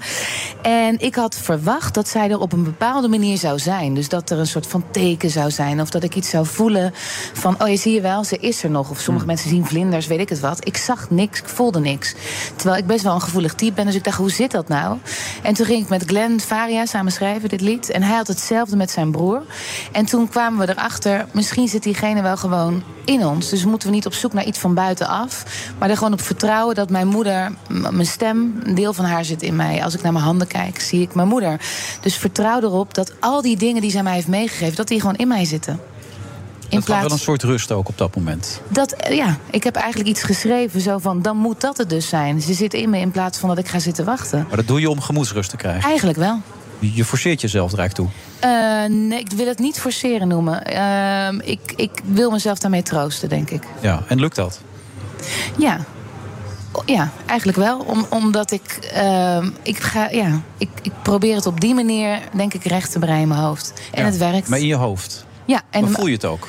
Eh, soms wel. Dus soms, ik, hoe meer ik erover praat, hoe meer ik erover. Ik heb ook een voorstelling over gemaakt. Maar hoe meer ik ga zien wat er langzaam allemaal is blijven hangen of zo van haar in mij. Dus zij was heel anders dan ik. Ik ben heel impulsief en ik ben heel. Ik heb best, best wel veel lef. Ik durf heel veel. Mijn moeder was heel behoudend, tevreden, heel rustig, maar had alles onder controle. En ik voel nu steeds meer dat, dat, dat ik dat soms denk: hé, hey, ik ben ineens een stuk volwassener geworden. Ik heb ook iets meer controle en iets meer rust. En eh, dus ja, ik begin dat steeds meer te zien. Mijn buik vol van de liefde, toch? Is het het programma wat jij dan brengt? Ja, dat is de theatervoorstelling die dan vanaf maart, april weer eh, in reprise gaat. Ja. Maar dat, eh, wat ik las, een beetje vooraf, het viel ook samen de dood van je moeder met je eigen zwangerschap. Hè? Ja, klopt. Ik. Dus Ja. dat leidt ook enorm af of zo. Van waar ben je dan eh, mee bezig? Er zat al iets in je. Niet alleen je moeder ineens, maar, Ja. maar ook weer de, een, een volgende generatie. Ja, klopt. Eh, ik was eh 38 weken zwanger toen zij dus overleed. Of tenminste toen ze een hersenbloeding gekregen. En daar was ik ook nog een keer bij, dus dat was een bizar moment. Eh, dus je lichaam is alleen maar bezig om te overleven. Dus ik heb die hele rouw in eerste instantie helemaal niet meegekregen. Want dat kindje moest er nog uit en ik moest daarna voor dat kindje zorgen. Dus dat was zo'n gekke. Dat duurde zo lang voordat die rouw eigenlijk op gang kwam. Dat ik mezelf dus ben gaan dwingen om muziek te schrijven. Om die gevoelens plek te kunnen geven en om aan die rouw te beginnen. Ja, dat klinkt Heel gek misschien. Ja, ook omdat je nu zegt dat kindje moest er nog uit. Het is, is nu gewoon je kind dat er al een paar jaar nu. Tweeënhalf jaar, Ja. ja. Je noemt het dat kindje. Dat vind ik zo gek. Dat klinkt dan zo. Ja, dat, Zo. nou, omdat dat op dat moment misschien zo voelde. Ja. Inmiddels ben ik enorm verbonden en is het, het is een fantastisch kind en wij, wij gaan heel goed. Ja. Maar op dat moment was ik alleen maar aan het overleven en kon ik me helemaal niet. eh, als moeder eh, wil je natuurlijk. Je, je houdt van je kind en alles is daar. Maar ik, maar ik was niet connected zeg maar, met mijn gevoel, denk ik. Hoe- Omdat, Hoe was het voor de rest van de omgeving dan voor jou? Was je wel bereikbaar dan ook? Eh, ik ben heel hard gaan werken. dus ik speelde toen Diana in een productie, in een musical. Dus eh, toen mijn babytje drie maanden was, ben ik zes dagen in de week gaan repeteren. En toen zes dagen in de week gaan spelen. Omdat ik door wilde. Ik moest door. En Maar wat zei je man, vriend dan? Wat, wat, wat, wat zei die ervan? dan? eh, ja, die, ja, die probeerde wel tot mij door te dringen, denk ik. Maar die zag ook dat het, dat het weinig zin had. Ik, ik, ik kon niet bij mijn gevoel komen. Niet, niet huilen ook. Heb je het niet Nee, ik eh, heb, het, gehuild? ik heb het eerste jaar alleen gehuild tijdens de repetities van Diana. Omdat ik een overleden moeder speelde. Over die naar haar twee zoons eh, keek en tot ze sprak. Maar verder eigenlijk niet. Ik, nee, Maar als je dan niet. zo lang je hoofd in het zand steekt, want dat is wat Ja. eigenlijk gebeurt, Ja, krijg je dan niet opeens een enorme deksel op de neus? Ineens Eh. een enorme terugval? Nou ja, omdat ik daar dus wel bang voor werd dat het ooit zou gaan gebeuren, dat ik ineens een burn-out zou krijgen, Ja. ben ik mezelf dus gaan opsluiten in een, in een huisje. En me terug gaan trekken af en toe om alleen te zijn, om maar toe te kunnen komen aan het gevoel. Want thuis had ik twee kleine kinderen en ik had mijn werk wat heel goed ging en ik was alles aan het doen. Dus af en toe onttrok ik me uit de situatie om naar mijn gevoel te Maar kunnen. je bedenkt alles als ik het zo hoor. Ja, eigenlijk wel. Maar dan werkt het toch niet uiteindelijk? Op... Eh, uiteindelijk wel. Omdat ik op de momenten dat ik naar het gevoel toe ging, kwam ik er ook. En schreef ik er muziek over. En, en dat is een album wat nu klaar ligt. Ja, mam. Mam, ja. En dat gaat zowel over je moeder als over jezelf. Of, ja, over Of mijn moeder, mezelf, als over Sammy, als over mijn kind ook. Ja. ja. het, klinkt, het is niet onaardig bedoeld, maar het klinkt zo rationeel allemaal. Het lijkt me zo, zo gek dat je het allemaal zomaar kan bedenken. Ik moet nu dit doen, want anders gebeurt er dat. En anders, eh, nu ik nu die... Ja, maar dat heeft ook te maken met een omgeving die zich natuurlijk zorgen maakt over je. Omdat ze voelen van, je gaat door. Ik ben een super emotioneel mens met het hart op de tong. En die makkelijk bij... Dus iedereen dacht, wat is er met, wat is er met haar? Dus ze moet... Snap je, Ja. hebben mensen ook wel gezegd van... je moet nu even stoppen, want anders dan... Maar je durft nu te stellen dat niet het heel goed met je gaat. Nee, niet per se. Nee, een stuk beter. Een stuk beter. Ja, een stuk beter. Maar ik ben er nog niet helemaal. Is, maar is, goed. er, is er een bepaald liedje straks? Want je gaat dan live optreden waarschijnlijk. Je gaat ook tolken. Ja. Eh, mam. Ben je niet, of je niet bang te zijn of zo. Maar denk je, kan er een bepaald liedje zijn dat je ineens op, een- op het podium. Dat die emotie Ja. indaalt en dat je daardoor eh, gegrepen kan worden? Ik heb het al 30 keer gespeeld, eh, dit voorjaar, januari tot en met april. En af en toe gebeurde dat. Ja. Dan kwam er een traan. Maar het is wel, ik ben wel opgeleid ook als performer. Dus het rolt dan, de tranen rollen. Maar ik ga wel door met vertellen. Want ja, die zaal moet niet denken: oh, we moeten Marlijn nu even een glaasje water gaan geven, anders stort ze in. Dus af en toe kwam dat wel even eruit. Maar dan kon ik het wel weer teugelen. Maar je zegt net zelf, ik ben er nog niet. Maar hoe ziet dat eruit als je er wel bent? Weet je dat dan? Ja, maar ja, goed, wanneer zijn we er wel? Wanneer ben, ben jij er? Ik. Nee, dat vraag ik me ook af. Maar ik, ik, ik weet het ook niet hoe dat eruit ziet. En klaarblijkelijk heb jij al in je hoofd zitten dat je denkt te weten wanneer je er wel bent. Ik, jij, jij, jij moet mijn psycholoog worden. Nou ja, ik nee, serieus, ik vind het wel echt een hele goede.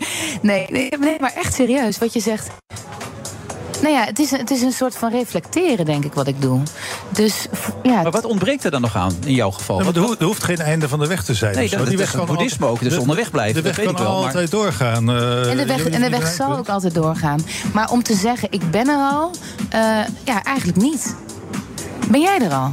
Nee, maar ik weet niet helemaal waar het naartoe gaat, eerlijk gezegd. Alleen Nee. blijkbaar heb jij dat al duidelijker in je hoofd zitten... waar je naartoe kunt gaan, dat je dat zegt, ik ben er nog niet. Nou, ik denk op het moment dat mijn gevoel... en Filosofisch dit. Nee, ja, heel Ja. filosofisch. eh, Die, mensen die, kijken, die luisteraars die denken, wat is dit? Ik denk op het moment dat mijn gevoel en mijn, mijn, hoofd... Weer, hele, weer meer samen is, dat het dan goed met me gaat.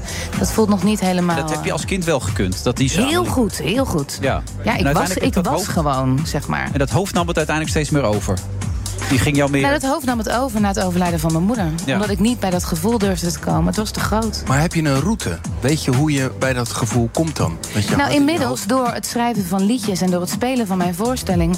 weet ik dat ik er even in kan. Dat ik erin kan duiken. En dat ik het op die manier toch ook een beetje kan verwerken. Even. Ja, en dan hoop ik dat het lekker doorwerkt. Gewoon eh, in de weken, maanden, jaren Kijk, daarna. zo, zo maken we dit programma heel luchtig, dat merk je wel. Dus dat moet je meenemen voor die café. Die zeiden, hou het luchtig. Hou het luchtig. Ja, Ja. dat is de bedoeling. Nee, Ja. We zijn begonnen met de veulen dat met vijf maanden is overleden. Daarna, eh, Het wordt steeds dieper. We kunnen het ook nog even over iets leuks hebben, iets lichts. Nou, het belangrijkste is, je voorstelling gaat eh, weer verder. Ja, zeker. En je album, album komt uit voorjaar 2024. Ja, maart 24. Die kunnen mensen gewoon aanschaffen als ze willen. Dat kunnen ze zeker vanaf dan. Ongelooflijk dat het allemaal kan vandaag de dag. Hè? Maar wel leuk dat je er was, hè, Marlijn. Dankjewel. En tot een volgende keer. En tot een volgende keer. Fijne middag, heren. Dankjewel. Ook Thomas van Zeil vind je in de BNR-app. Je kunt live naar mij luisteren in Zaken doen, de BNR-app met breaking news, het laatste zakelijke nieuws en je vindt er alle BNR-podcasts, bijvoorbeeld Het Nieuwe Geld. Download nu de gratis BNR-app en blijf scherp. De Friday Move wordt mede mogelijk gemaakt door TUI en Otto Workforce. Our people make the difference. BNR Nieuwsradio. The Friday Move. Vandaag past respect. This attack uh, Het is een non-stop spiraal van geweld. Dus geen brandstof, geen energie. Alle NAVO-landen staan achter Israël. pure cruelty. De vraag is, wat ga je dan doen? Wilfred Genee. Met Friday Move en natuurlijk Edwin Winkels als een co-host en op snuffelstage Sander de Kramer.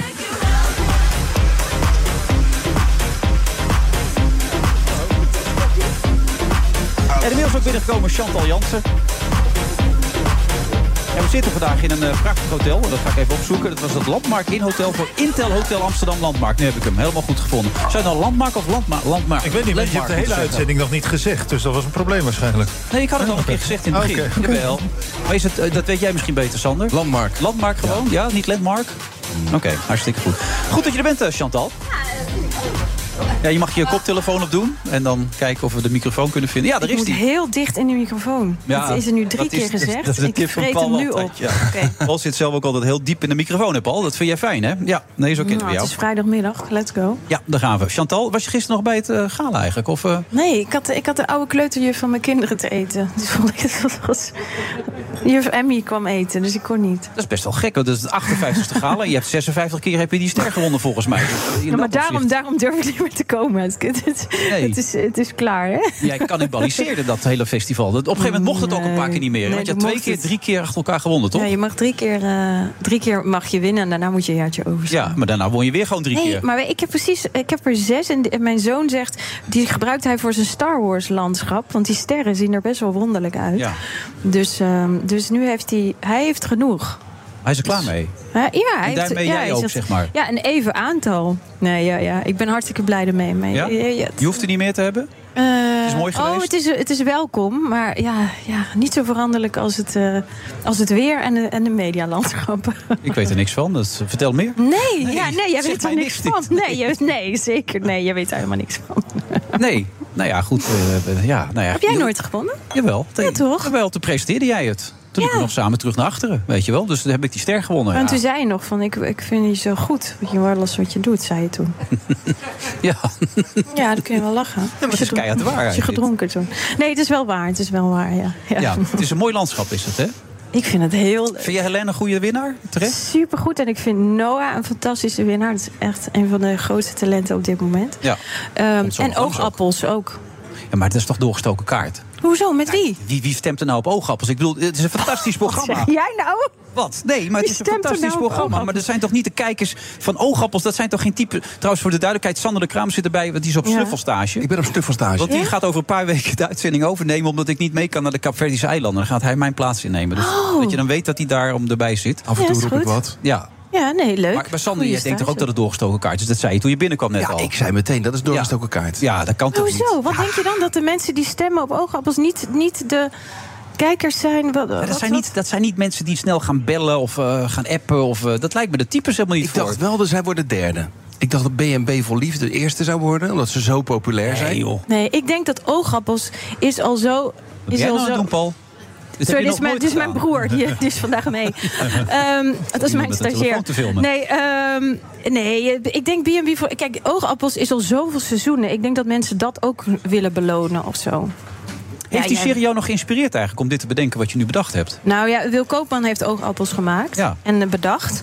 En eh, ik heb met Wil een eh, serie al een paar jaar geleden mogen doen, Divorce. Dus ik hou wel van heel erg van haar signatuur. Dus vandaar dat ik ook een grote familie de serie met haar wilde maken. Dat wist ik zeker. Wat, wat is haar signatuur? Wat, hoe kan je dat omschrijven?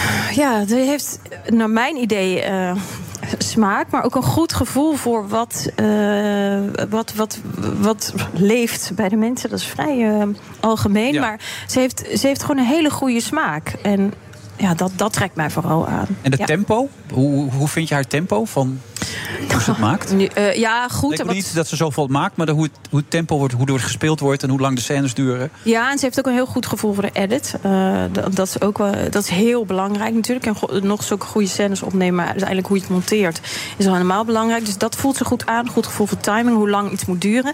Maar wat vooral ook grappig is, is haar manier van werken. Zij eh, heeft heel veel one-takers. Dus dan doe je het als acteur, ben je wel gewend om het vaker te doen. Ja. Dus dan doe je het een keer en dan denk je, ik doe het zo meteen nog een keer. En dan zegt zij, nee, ik heb hem. Nee, nee, maar ik wil hem nog een keer doen. nee, is goed, ik heb hem. Nee, maar mag ik hem alsjeblieft zeggen? Nee. Iedereen, is dat. iedereen wil op tijd naar huis. En als je dat dan ook weet, dan ga je ook zorgen dat je ze altijd perfect speelt daardoor. Ja, maar ja, dat lukt Dat niet. In jouw ogen lukt dat niet altijd. Maar dat probeer dan wel. Je komt wel fully prepared. Kom je op de Maar als je nu de eerste aflevering bekijkt, hoeveel scènes zitten er dan bij waarvan je denkt, die had ik beter kunnen spelen dan? Mm, ja, beter weet ik niet. Maar, maar, maar, maar wel anders. Je hebt soms zoiets van, dan wil ik het nog wel anders proberen. Maar dan zegt zij, nee, deze is goed. Dit is goed, dit is wat het moet zijn. Het is ook een kwestie van voorbereiding. Ze spreekt ook weer heel goed met ons van tevoren voor wat ze wil zien.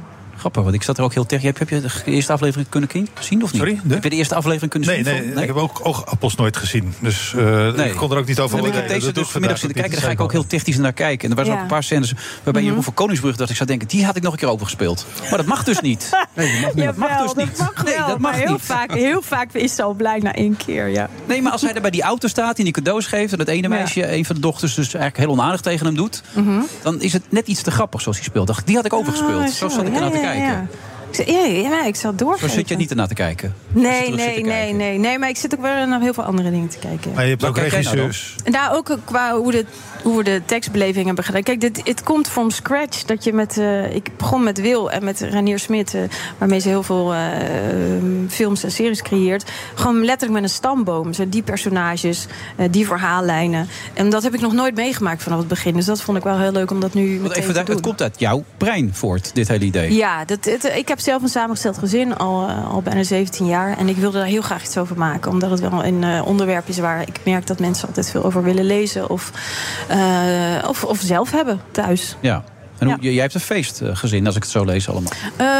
Is heel fijn ja, daar. ik heb Iedereen daar veel geluk mee gehad. Natuurlijk is het niet altijd iedereen even gelukkig zoals het gaat in het leven. Maar het is wel, we hebben er wel hard, en, hard voor gewerkt. En hard aangewerkt.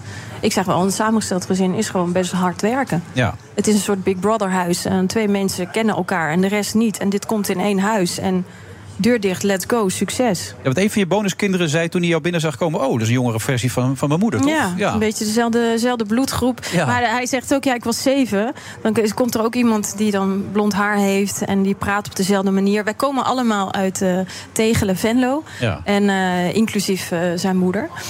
Hun moeder. Dus, ehm, en ik kende haar ook al. Dus die... Die families die kennen, kenden elkaar. Ehm, wat ook wel meeviel, ik was niet de reden voor de breuk van hun relatie. Dat scheelt ook. Wat was de reden dan? Eh, nou ja, die- die- eh, zij, waren al langer uit elkaar. dus ik was niet de volgende. Nee. Ehm, en dat, was, dat, dat zou misschien wel pittiger zijn geweest. Dus ik heb altijd van begin af aan al een, eh, een goede band met hun moeder gehad. En zij is zelfs voogd eh, van, eh, van mijn eh, zoons geweest. Dus dat is wel heel mooi. ja. maar maar zo, dat verhaal werkt niet in een serie. Dat is veel te saai dan eigenlijk. Nee, exact. Daarom heb ik ook geen autobiografische serie gemaakt. Ehm, maar de grote thema's, zoals verdriet, gemis, aanpassen, eh, jaloezie, eh, het, de samensmelting of juist niet, eh, die zijn zo herkenbaar. En die, die hadden wij natuurlijk ook. Ja, ja. Misschien kun je even korte verhalen en een beetje uitleggen. Ik heb het zitten kijken, maar voor de mensen die het Mhm. niet gezien hebben... kun je heel grof schetsen hoe... Ja, één grote familie gaat over een samengesteld gezin. Eh, Julia, eh, dat speel, die speel ik, eh, die gaat uit elkaar. ehm, van, die gaat scheiden van Dennis. Ja, lapswans. Lapswans, Jeroen Lapswans van Koningsbrugge. Ja. En die, we hebben samen drie kinderen, maar voor mijn gevoel had ik er vier. Want Jeroen gedroeg zich eigenlijk, eh, zijn personage gedroeg zich eigenlijk al jaren ook als een groot kind. Eh, ik heb een nieuwe liefde, Taco, gespeeld door Lieke Lemus, onder andere bekend van Dertigers. En hij heeft ook drie kinderen. Dus wij komen op een dag, eh, omdat Dennis de belasting niet heeft betaald en we allemaal aanslagen hebben, moeten we uit ons huis. Dus wij komen vrij snel eh, met zes kinderen in één huis. En die kinderen kunnen elkaar niet luchten of zien. Nee. Maar ik wil wel heel graag met mijn geliefde samen zijn. En, ehm, Ja, en zijn geliefde is inmiddels met een vrouw. ja, Dat is ook nog wel even weer een dingetje wat je vandaag de dag vaak ziet. Ja. Het, in het voetbalteam van mijn zoontje is het twee gevallen gebeurd. Gewoon dat opeens de moeder opeens op vrouwen viel en zo. En dat je Ja. opeens een hele andere situatie kreeg. Ja, totaal. Ja. Maar het samengesteld gezin, het is gewoon een olievlek. Het, want je krijgt, dat- dat is gewoon een onuitputtelijke bron. Want eh, die mensen brengen natuurlijk, die kinderen brengen ook weer opa's en oma's mee. Maar ik breng ook weer mijn ouders mee. Dat worden bonusopa's en oma's, eh, vriendinnen, broers, zussen, tantes, ooms. Eh, het zijn gewoon twee families in één leven die bij elkaar worden gegooid. Ja. Daar hangt ook allemaal. Hangen daar allemaal weer poppetjes aan. En hoe doe je dat dan? Die komen allemaal op verjaardagen, op bruiloft, op feesten. Ja, je kan niet van elkaar verwachten dat je elkaar meteen mag. Nee, hoe is het bij jullie? Ik vind trouwens bonuskinderen vind ik een mooier woord eigenlijk dan stiefkinderen, wat ook vaak wordt gezegd. Oh ja, daar heb dat- ik totaal geen moeite mee met het woord stiefkinder. Maar het is wel vriendelijker, dat klopt. Nou, ik vind het, het klinkt, het klinkt als extraatje Ja. of zo. Ja, of, eh, precies. stief dat. Ja. eh, Maar ik bedoel, jij hebt nu een nieuwe relatie. Heeft zij ook kinderen of niet? Ja, maar toen ik, toen ik haar, toen ik Janneke leerde kennen, waren mijn kinderen halverwege de twintig. Ja. Oh ja. En haar kinderen 16 en 18 of zo. Dus de puberteit al voorbij, dat soort dingen. Ik Oh, denk ja. dat. eh, ik Vonden tijd- die jou meteen eh, leuk? eh, accepteerden ze hebben niet Ze hebben niet gezegd dat je het niet leuk vond. Nee, nee ik, ze, ze hebben nooit.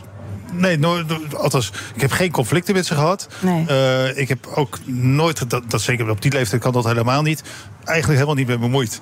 En dat is de heerlijke als je, als je eh, een, een, Als ouder gezin, zijn. Je, je, ik vind, ik kan, ik kan ze niet, hun, de andere kinderen kan je niet meer opvoeden. Dat heb ik zelf proberen te doen, met of zonder succes. Want het is, je merkt het ook, het is een zware baan. Zeker. Als, als, ze- als ze 18, nou die van mij zijn pas op hun 30ste het huis uitgegaan, denk je, oké, 30ste? het is gelukt. Ja, maar Dat is een mijn dochter, compliment. Dan wilden ze lang bij ja, je mijn dochter is eh, vorige maand vertrokken op de 33ste.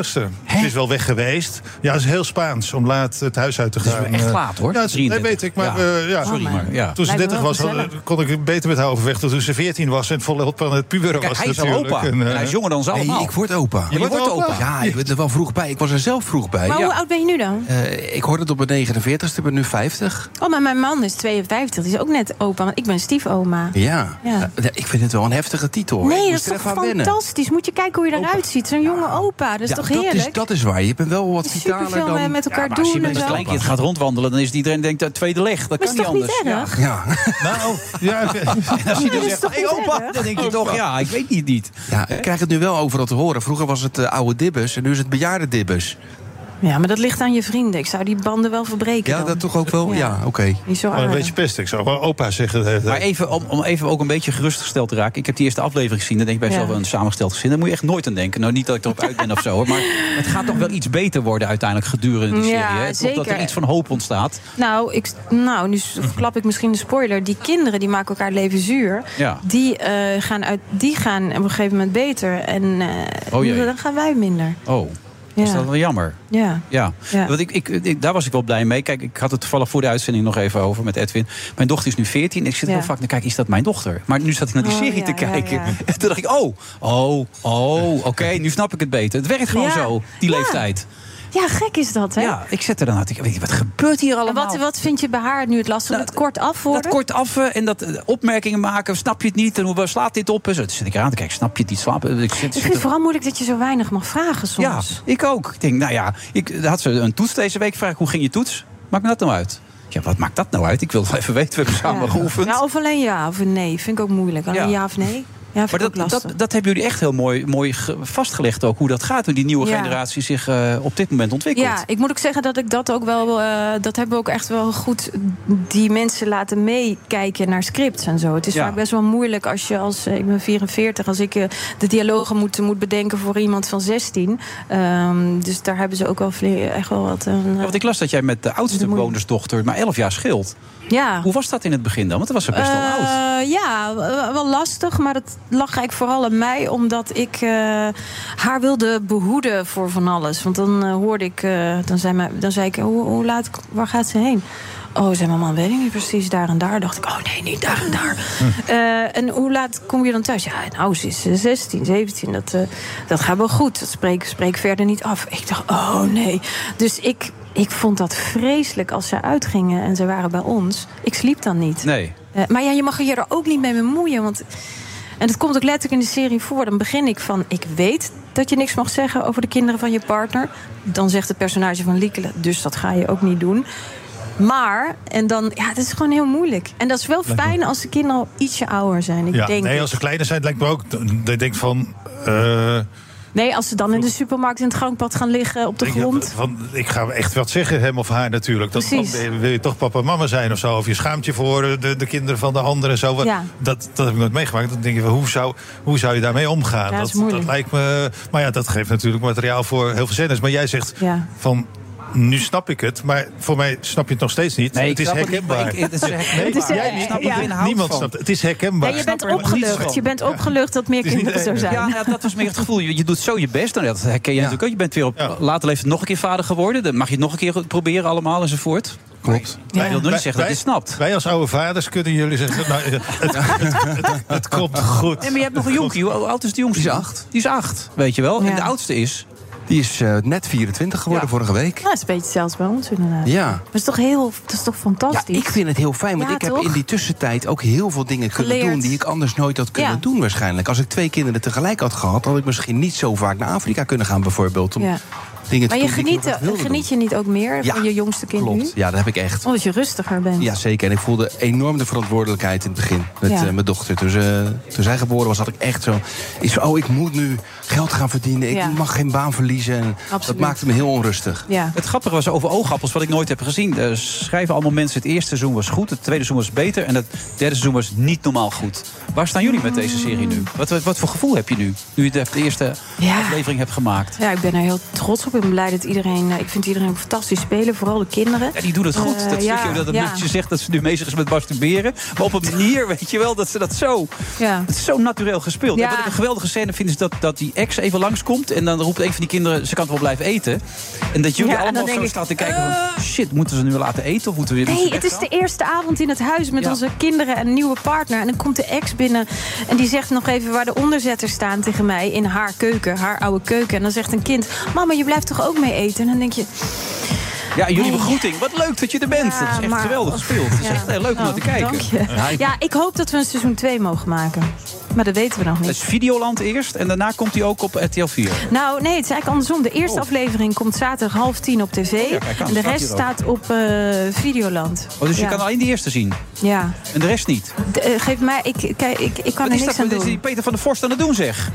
Ja, je nou, hij wil natuurlijk dat mensen naar Videoland komen. Nee, dat snap ik ook, maar dit is niet te doen. Nee, ik kan er niks aan doen. Ik kon er niks aan doen. Ik, ik, ik, Maar je bent de ster van RTL. Nee hoor. Jij dat, bent de eh, grote... Dat, eh dat Chantal zijn jouw Jansen. woorden. Nee, ja, hallo. Je hebt 58, 56, pardon, 56 keer de televisierster gewonnen. Nee, maar, eh, maar over dat soort dingen, over wat er op Videoland komt en niet, daar, daar, ga ik, eh, daar mag ik echt niet over beslissen. Nee, dat is, hè? Nee, je laat de mensen de amuse proeven.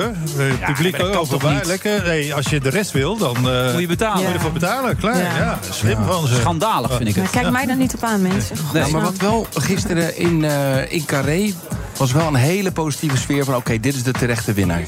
Ja? Ja, dat absoluut. denk ik ook wel, ja. Hoe kom je daar nou zo opeens bij? Ja, ik weet niet. Ik dacht, eh, dat is misschien een beetje lelijk. Dat, oogappels dat wij maar je? zeggen, ja, dat wij maar Nee, zeggen... dat is van, ook een dat- grapje. dat- Alleen, dat- het- ja. ik- je verwacht bij dat publiek niet helemaal... Dat, Nee, dat klopt. ze Wat had jij dan verwacht? Ik had gedacht dat de Oranje Zomer zou winnen dankzij ons programma. Omdat Ja, wij ja, natuurlijk ja. zo schandalig aan het oproepen waren. En Nou, dat vond ik ook wel meevullen. Jullie deden dat die avond, maar daarvoor niet echt. Nee, dat is wel waar. Maar Dat we vond hadden ik wel wel spotjes opgenomen. En ik heb dan altijd het gevoel dat bij onze aanhangers... die gaan een extra hard. Dus dat, Ja, daar, ja. daar- daardoor Dat dacht ik een beetje dat, van... Dat zijn dus de gemanipuleerde verkiezingen eigenlijk. Eh, Ja, eh, eigenlijk wel. eh, Nee, maar ik, ik, sorry, ik heb het nooit gezien, maar het schijnt echt heel erg mooi te zijn. Nee, je moet het wel kijken, hoor. Ja. En nou ja, ik zou mensen ook willen aanraden om dit eh, te doen. Ja, dat vind ik heel leuk. Ja, en ik merk dat het jou raakt, want anders, je bent nu ook afgedaald in de spelonken van het medialandschap in dit programma. Dus in dat opzicht raakt het je echt, dit programma, toch? Oh shit, ben ik erin in de val gelopen. Ik dacht, oh leuk, ik vond het leuk met je, om bij jou een keer te zitten eigenlijk. Oké. Nee, maar ik bedoel, het, het, het, het heeft wel iets. Het doet iets een beetje, dit programma. Ja, ik ben er wel trots op. Ja. Ik moet zeggen dat ik het moeilijk vind. Denk straal je ook altijd eh, uit als je dat zegt, hè, eh, Chantal? Ja, ik Dat ben, merk ik- je ook echt aan jou dan. Ik ben een beetje bang voor dat, dat, dat als er hier kritiek op komt, dat ik het erger vind dan als je een programma doet waarvan je zelf denkt: ik snap wel dat er kritiek op is, want zo goed was het niet. Dat, dus ik, ben, ik vind dit, dat is misschien een kwetsbare eh, bekentenis nu. Maar dat ga ik denk ik wel moeilijk vinden. Maar daarmee zeg je dus dat je het gewoon heel goed vindt. Ja, ik ben er heel trots op. Ik Ja, vind maar het goed gelukt. Iedereen vindt goed wat hij zelf maakt, in principe natuurlijk. Nee, hoor. Het is, nee, nee, Nee, er zijn natuurlijk niet. geweest Kan die ik nog even wat eh, over vertellen, hoor? Ja, heb je even. Nee, Nee, soms niet. Nee, al- als ik, als ik dat geheim had, dan, eh, dan was ik eh, al maar, lang binnen. maar dit vind je goed, maar je weet nooit inderdaad hoe het... Je weet het nooit. Hoe het Zeker omdat zo'n overkomt. eerste aflevering op tv komt. Dan, eh, je, je- je weet niet of er dan mensen kijken. Eh, dus ik, ik weet het niet. En bij Videoland heb je ook nooit exacte cijfers. Vind ik ook moeilijk. Dus dan eh, gaat het over de inflow en hoe lang ze bijvoorbeeld eh, zijn blijven kijken. Ehm, ik, ik, ik hoop gewoon dat dat goed gaat. Want het is hard tv. Morgen, morgen mijn promotietour gaat morgen verder bij Paul de Leeuw... met in Hotel Hollandia gaan Ja. we koken. Nou. TV kan keihard zijn eh, als Oh, maar dan het sta eh, goed of minder goed je. gaat. Staan we Ja, tegenover maar daar hoef je elkaar? geen enkele zorgen over te maken. Dat is niet lullig bedoeld, maar Nou, daar hoef je geen zorgen over te Wij gaan maken. kijken, kijkers bij haar Ja. weghalen. Ah, ja. Maar Nou, het is wel mooi. Ik eh, gun het je. Dat je op je 44 dat gevoel nog steeds kan hebben. En daar gaat het om in dit vak. Ik denk dat het alleen maar erger wordt, toch? Ah, ik ben niet zo. Nou, in- als je jong bent, als je jong bent, dan heb je niet zoveel te, Dan denk je van, joh, let's go. Maar kan mij het schelen. Ja, maar dat denk ik eigenlijk mijn hele carrière al. Ja. Oh ja, dat vind ik knap. Ik wou dat ik dat meer had. Ja. Goed dat je er was. Nou, dankjewel. Ik heb met vond plezier naar gekeken. Ik hoop dat er veel mensen voor jou nog gaan kijken. Ik vond het leuk in de spelonken. Oké. Dat je het zelf zei. Oké, tot de volgende keer dan. Tot de volgende keer. Ook Liesbeth Staats vind je in de BNR-app. Ja, heel handig. Luister live naar Kees en mij tijdens de Daily Move. Dan blijf je ook gelijk op de hoogte van breaking news en het laatste zakelijke nieuws. En daar vind je ook alle BNR-podcasts, waaronder de Perestrooikast. Download nu de gratis BNR-app en blijf scherp.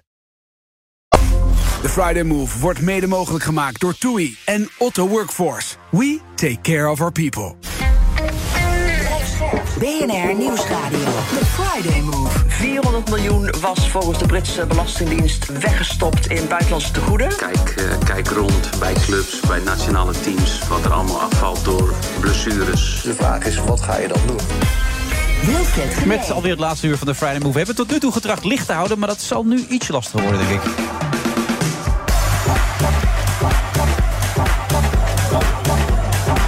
Zitten in het Intel Hotel eh, Amsterdam Landmark. Ehm, daar kun je nog langskomen tot half zeven. Ehm, dat heeft Edwin Winkels al gedaan. Die is mijn co-host van vandaag. We hebben de man van de snuffelstage even aan de kant moeten zetten. Sander de Kramer, want we hebben te weinig microfoons. Omdat inmiddels aangeschoven zijn Bernard Hammelburg, Mats Akkerman en SP-Kamerlid Jasper van Dijk.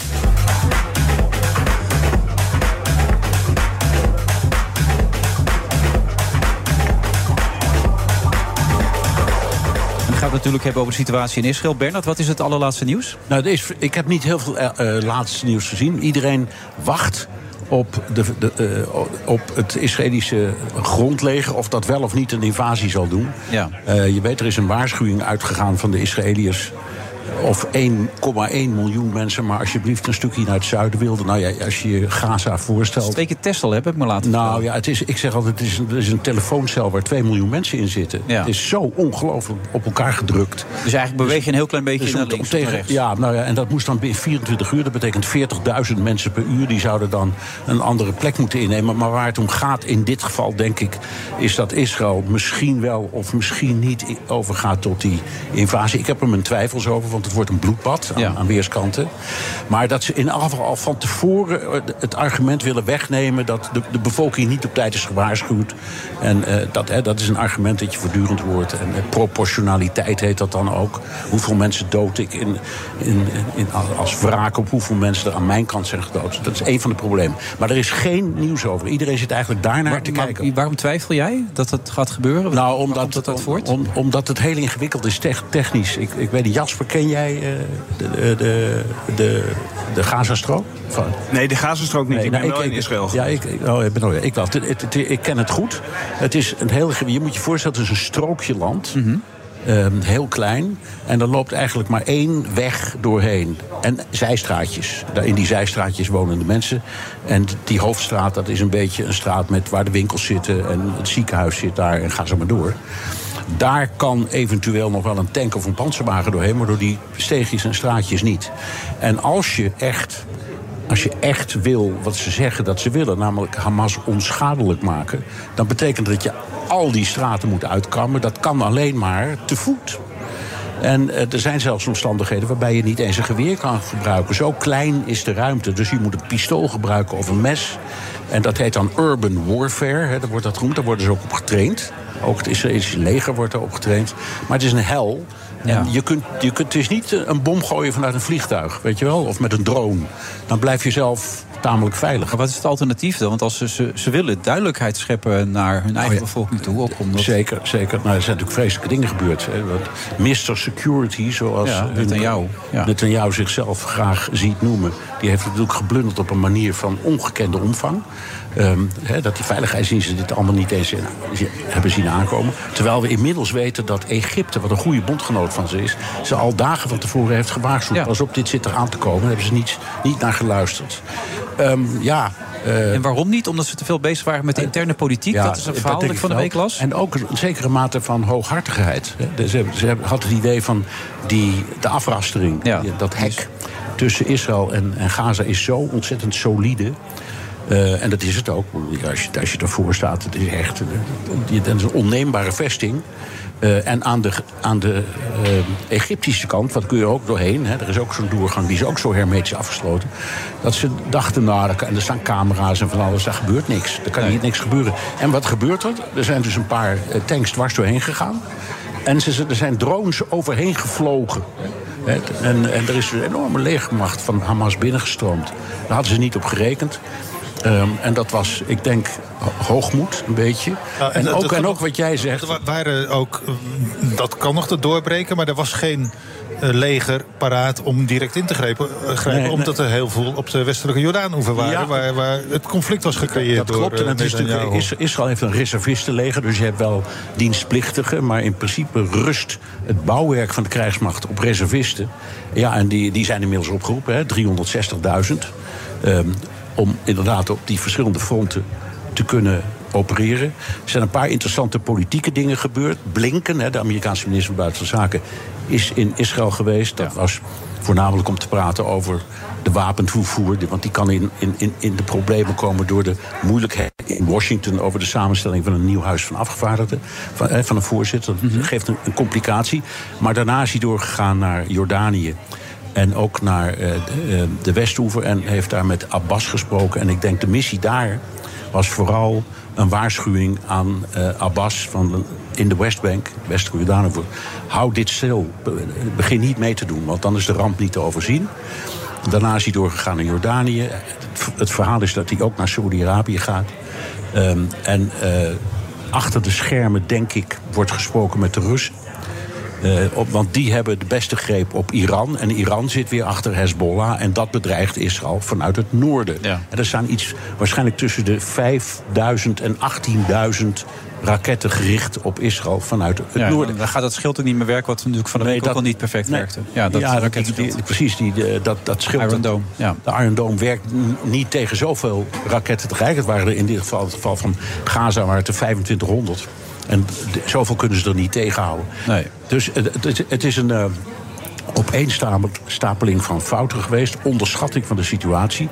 Maar ook iets wat echt niemand had verwacht. Namelijk de, de, de, de ongelooflijke barbaarsheid waarmee die aanvallen is uitgevoerd. Dat had echt niemand verwacht. Dat is een complete, nou, hoe moet ik het zeggen, verrassing is het foute woord. Ja. Maar als je ziet, hè, ze zijn eerst heel voorzichtig geweest met beelden omdat ze niet de indruk wilden wekken dat er, werd, ja, dat er een frame werd verspreid van kijk eens wat vreed.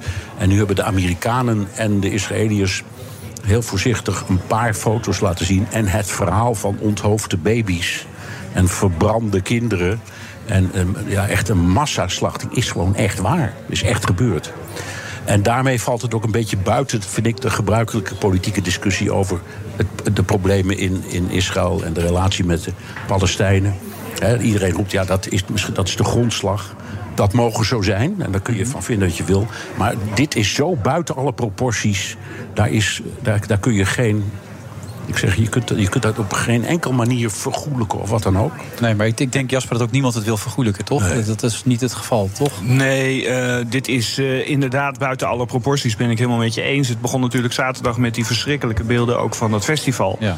Waar mensen overrompeld zijn. Moest, ik moest ook denken aan Anders Breivik hè, in Noorwegen. Ja, Eh, Zo'n zo'n kamp met jongeren. Totaal overrompeld. Een massaslachting is aangericht. Dus het klopt, dat staat buiten alles eh, geplaatst. Tegelijkertijd zie je natuurlijk ook wel dat Israël nu eh, bereid is om keihard terug te slaan. En, een, eh, en, en die Gazastroken in feite gaat, te gaan platbombarderen. Want volgens mij staan we op dat punt nu. En eh, ja, dat is, dat is eveneens onmenselijk natuurlijk wat daar gaat gebeuren. Ja, ja het, is een, het is inderdaad een... eh, Wat, wat, even voor duidelijkheid. eh, eh, Netanyahu en ook zijn minister van Defensie hebben al gezegd... we gaan Hamas uitroeien. Dat is wat ze willen. Maar Hamas heeft niet een uniform aan waarop staat... ik ben van Hamas en, en ik, en jij niet. Hoe gaan ze dat doen dan? Dat is het punt. Nou ja, Bernard legde dat net al goed uit. Ze hebben dus gezegd, wij willen dat 1,1 miljoen mensen eh, vertrekken uit Noord-Gaza naar het zuiden toe. En dan hebben ze dus Gaza-stad en dat kunnen ze dan eh, volledig gaan innemen. Eerst gaan platbombarderen, zou een scenario kunnen zijn. En dan met grondtroepen naar binnen en dan huis voor huis iedereen daar eruit halen. Eh, en dan vergeet die tunnels niet, hè, waar, waar Hamas natuurlijk ook zit. Ja. eh, om die mensen te gaan oppakken. Maar dit wordt zo'n grootschalige operatie en zo'n bloedbad als je het op deze manier doet. Want die 1,1 miljoen mensen gaan lang niet allemaal wegkomen. Nee, die kunnen ook Eh, niet Die wegkomen. kunnen niet. Denk eens aan de ziekenhuizen waar mensen in bedden liggen. Ja, en er is nog een complicatie, want Egypte, dat in de- deze conflictsituatie altijd een zeer creatieve rol speelt. Bijna alle eerdere confrontaties tussen Gaza en Israël zijn uiteindelijk uitonderhandeld door Egypte. Die doen dat geweldig. Maar ook die hebben een, een poort met Gaza. ehm, en die zouden ze open kunnen zetten. Maar daarvan hebben ze gezegd: nee, daar beginnen we niet aan. Eh, en dat heeft weer te maken met interne Egyptische omstandigheden. Want Hamas is een soort filiaal van de moslimbroederschap. Eh, de, de president van Egypte heeft een bloedhekel aan de moslimbroederschap. En dus ook moslimbroeders uit Gaza. Dus die heeft hij liever niet. Dus die wil wel diplomatiek helpen. Maar niet in de menselijke nood die er nu echt acuut is. Dus ze kunnen ook nergens heen. Maar ben jij het eens dat ehm, als dit werkelijk gaat gebeuren, als morgen zeg maar dat grondoffensief begint en wij worden wakker en we zien dus dat die militairen naar binnen zijn gegaan, dat de Europese Unie en de Verenigde Staten dan echt veel meer druk moeten gaan zetten op Israël om ehm, dit anders te gaan doen, maar ook Egypte om die grensovergang open te stellen voor vluchtelingen, om een echt bloedbad te voorkomen? Ant- antwoord op allebei is ja. Dat zou, eh, dat zou, eh, eh, dat zou denk, ik denk ook dat het zou gebeuren. Het zou me ook niet verbazen als Blinken eh, gewaarschuwd heeft tegen zo'n grondoffensief. Want het is duidelijk dat de Amerikanen dat ook niet eh, willen. En Ursula van der Leyen en de, ze, de voorzitter van het Europese parlement... die, die waren er vandaag. En het zou me niks verbazen als ook die hebben gezegd... jongens, dit- we moeten echt af op, eh, op, op onderhandelingen. Dit, eh, dit, dit, Maar je hebt nog 97 gijzelaars daar ook zitten, toch? Ja. En die willen de Amerikanen ook ja, gedeeltelijk... er zijn de- de- ja, en er zijn eh, volgens, Ham- volgens Hamas inmiddels, ik geloof, 21 van die gijzelaars omgekomen. En ze zeggen dat komt door de Israëliërs. Ja, dat kon je verwachten, want ze hebben natuurlijk die gijzelaars verspreid over dat gebied. Dus elke keer als er ergens een bom valt, heb je een vette kans dat er ook een gijzelaar bij is. Dus dat is een, een, een mega probleem. En eh, nou, de hoop is dus dat de, de, de Egyptenaren daar de sleutel voor vinden. Meestal gebeurt dat door een uitruil. Hè, dus, eh, ja, maar ooit was het voor één soldaat duizend... eh, Duizend, ja, ja. Die Shavit heette die man. Die heeft jaren gevangen gezeten in, in, in Gaza. Die is uiteindelijk geruild voor duizend Palestijnse, gevangenen. Ja. eh, voornamelijk in, eh, ja, in Israëlische gevangenen. Er zitten nu ongeveer 4500 Palestijnen in Israëlische gevangenissen. Dus je hebt behoorlijk wat onderhandelingsruimte. Maar het gaat ook over heel veel gijzelaars. Ook dat is nooit eerder vertoond. In dit hele conflict niet. Niet op die manier. Dan is het ook lastig eh, de steun voor wie en waar. Eh, Hoe zit het in politiek Den Haag op dit moment voor Israël nog, de steun? Hoe, Nou ja, aan het begin van deze week was het wel heel duidelijk dat de meerderheid van de Kamer, zag je, vooral de rechtse partijen ook, waren heel erg eh, hun steun aan het uitspreken voor eh, Israël. Maar in de loop van de week zag je wel dat het een stuk genuanceerder werd. Er kwam ook een motie van bijvoorbeeld eh, Jasper van Dijk, waarin werd opgeroepen: zorg nou dat die voedselvoorziening in stand blijft, dat die medicijnen er naartoe kunnen blijven gaan. Nou, daar is brede steun voor in de Tweede Kamer. En net is er over gesproken tijdens de ministerraad. Hebben ze twee uur over Israël gepraat. En Rutte heeft bijvoorbeeld net ook gezegd eh, voor het eerst deze week dat de reactie van Israël ook wel proportioneel moet zijn. Eh, dus je ziet eerder deze week zei hij heel fel: hè, dit is geen ja maar, dit is zo afschuwelijk, er is geen ruimte voor ja maar. En nu zegt hij toch wel, eh, ook de reactie moet wel proportioneel zijn. En ondertussen gaan ze pleiten voor, ja, dus dat die een humanitaire corridor willen ze. Dat dat internationaal geregeld gaat worden. Maar als ik Bernard zo hoor, dan wordt dat best wel moeilijk om dat daar. Het bloed moeilijk, bloed moeilijk. En, en wat eh, eh, ehm, nou, iedereen, eh, eerst eh, inclusief Biden, maar, maar ook alle andere mensen terecht hebben gezegd. Dit was in één dag. Waren dit, was dit de grootste slachting onder Joden sinds de Holocaust. Dus het is ook wel enorm groot. Eh, dus voordat je de Israëliërs bereid krijgt tot een verstandig gesprek en, en, eh, en, was rust- zo lastig, en een kopje thee drinken en zoeken naar een oplossing, dat gaat, dat gaat hem wel even Hoe was het in de politiek in Spanje eigenlijk? Hoe is daarop gereageerd toen? Het, nee, hetzelfde enorme politieke discussie. Daar is Spanje is heel erg verdeeld tussen links en rechts. En nu is het eh, de, de, de conservatieve oppositie. die premier Sanchez, socialist, van beschuldigt. Niet op de hand van Palestina te zijn, maar bondgenoot van Hamas zelfs. Dat gaat daar keihard aan toe. Van, oh, ja, er zijn regering aan het vormen. Ze willen, eh, dus dat gaat snoeihard aan toe. En inderdaad, de coalitiegenoot van Sanchez, eh Sumar. Dus. eh, de- de- van communistische oorsprong. Die hebben openlijk de steun uitgesproken voor, wat, voor de Palestijnen en wat daar gebeurd is en zo. Dus dat, ja, rechts zegt tegen links van jullie zijn, nou ja, jullie zijn de, de moordenaars, et cetera. Dat, maar verder in Spanje, dat is alleen politiek. Maatschappelijk is het veel rustiger dan bijvoorbeeld in Nederland. Omdat Spanje in verhouding een, een, een heel eh, een vrij geringe Joodse eh, gemeenschap heeft. Eh, ik geloof officieel iets van er staan niet eens cijfers van. Ik heb het opgezocht. Tussen de 12 en 40.000 mensen van Joodse herkomst. En niet, die niet zo aanwezig zijn in het publieke debat ook. Zoals in Nederland. eh, Of Joodse scholen zoals, we- zoals we hier hebben. en- die vandaag bijvoorbeeld in Nederland. Dus op straat is dat debat veel, veel, veel minder. Er is de verschrikking van eh, ja, wat er allemaal gebeurd is. Maar politiek is het puur ja, eh, links tegen rechts. En, en de een zou van die kant zijn en de andere puur alleen Ja, dat zie je ook wel. Maar je ziet wel hier de, de pro-Palestijnse partijen... die echt uitgesproken pro-Palestijn zijn. Dat zijn bijeen en denk. Dus dat zijn wel echt hele kleine partijen op links. Ehm, Dus ja, de verhouding wel- Nee, Sanchez is ook woedend dat, dat eh, rechts dit gebruikt. Dit, jullie kunnen dit niet gebruiken om ons ervan te beschuldigen dat we op de hand van Hamas zijn. Dat zijn we nooit geweest. Hij heeft jaren geleden eh, aangekondigd dat Spanje Palestine, eh, Pa- eh, Palestine, zou. Eh, erkennen als, eh, als staat. Dat is uiteindelijk nooit gebeurd. Maar ja, alles wordt gebruikt. In Spanje wordt alles gebruikt. eh, ook al heeft het niks met hun, hunzelf te maken. En wat mij opvalt deze week, ik, ik maak het op tv natuurlijk ook heel veel mee. En, iedereen meet zich een bepaalde deskundigheid aan. Maar hier kun je toch bijna niet deskundig op zijn. Op, op dit conflict niet. Want het is zo ingewikkeld, Jasper. Dat klopt. Ehm, het is extreem gepolariseerd ook in ik, Nederland. ja, hè. dat- ja. Als er één onderwerp is in de Tweede Kamer... eh, waarbij echt iedereen recht overeind gaat staan en posities inneemt... dan is het Israël-Palestina. Eh, niet, niet vanaf afgelopen week, maar sinds ik woordvoerder ben. Het is, eh, op het moment dat Israël-Palestina aan de orde komt... dan weet je, oké, nu moet je op scherp staan. Elke tweet, elke uiting in de media, media die zal tot felle tegenreacties leiden.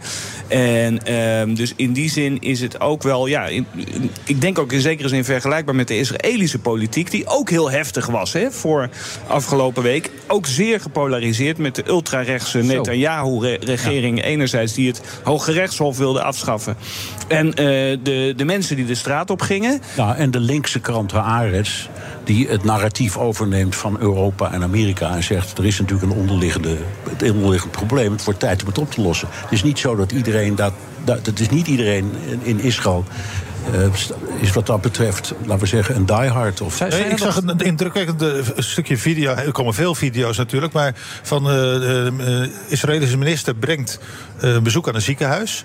En daar beginnen een vrouw, eh, een nabestaande of de, en een arts haar enorm uit te schelden. Van jullie zijn het land aan het kapotmaken, et cetera. Dus ook gewoon nog van, van, vanuit is- Israël zelf, vanuit eigen kring... eh, komt er ook kritiek wat, wat Netanyahu en zijn regering...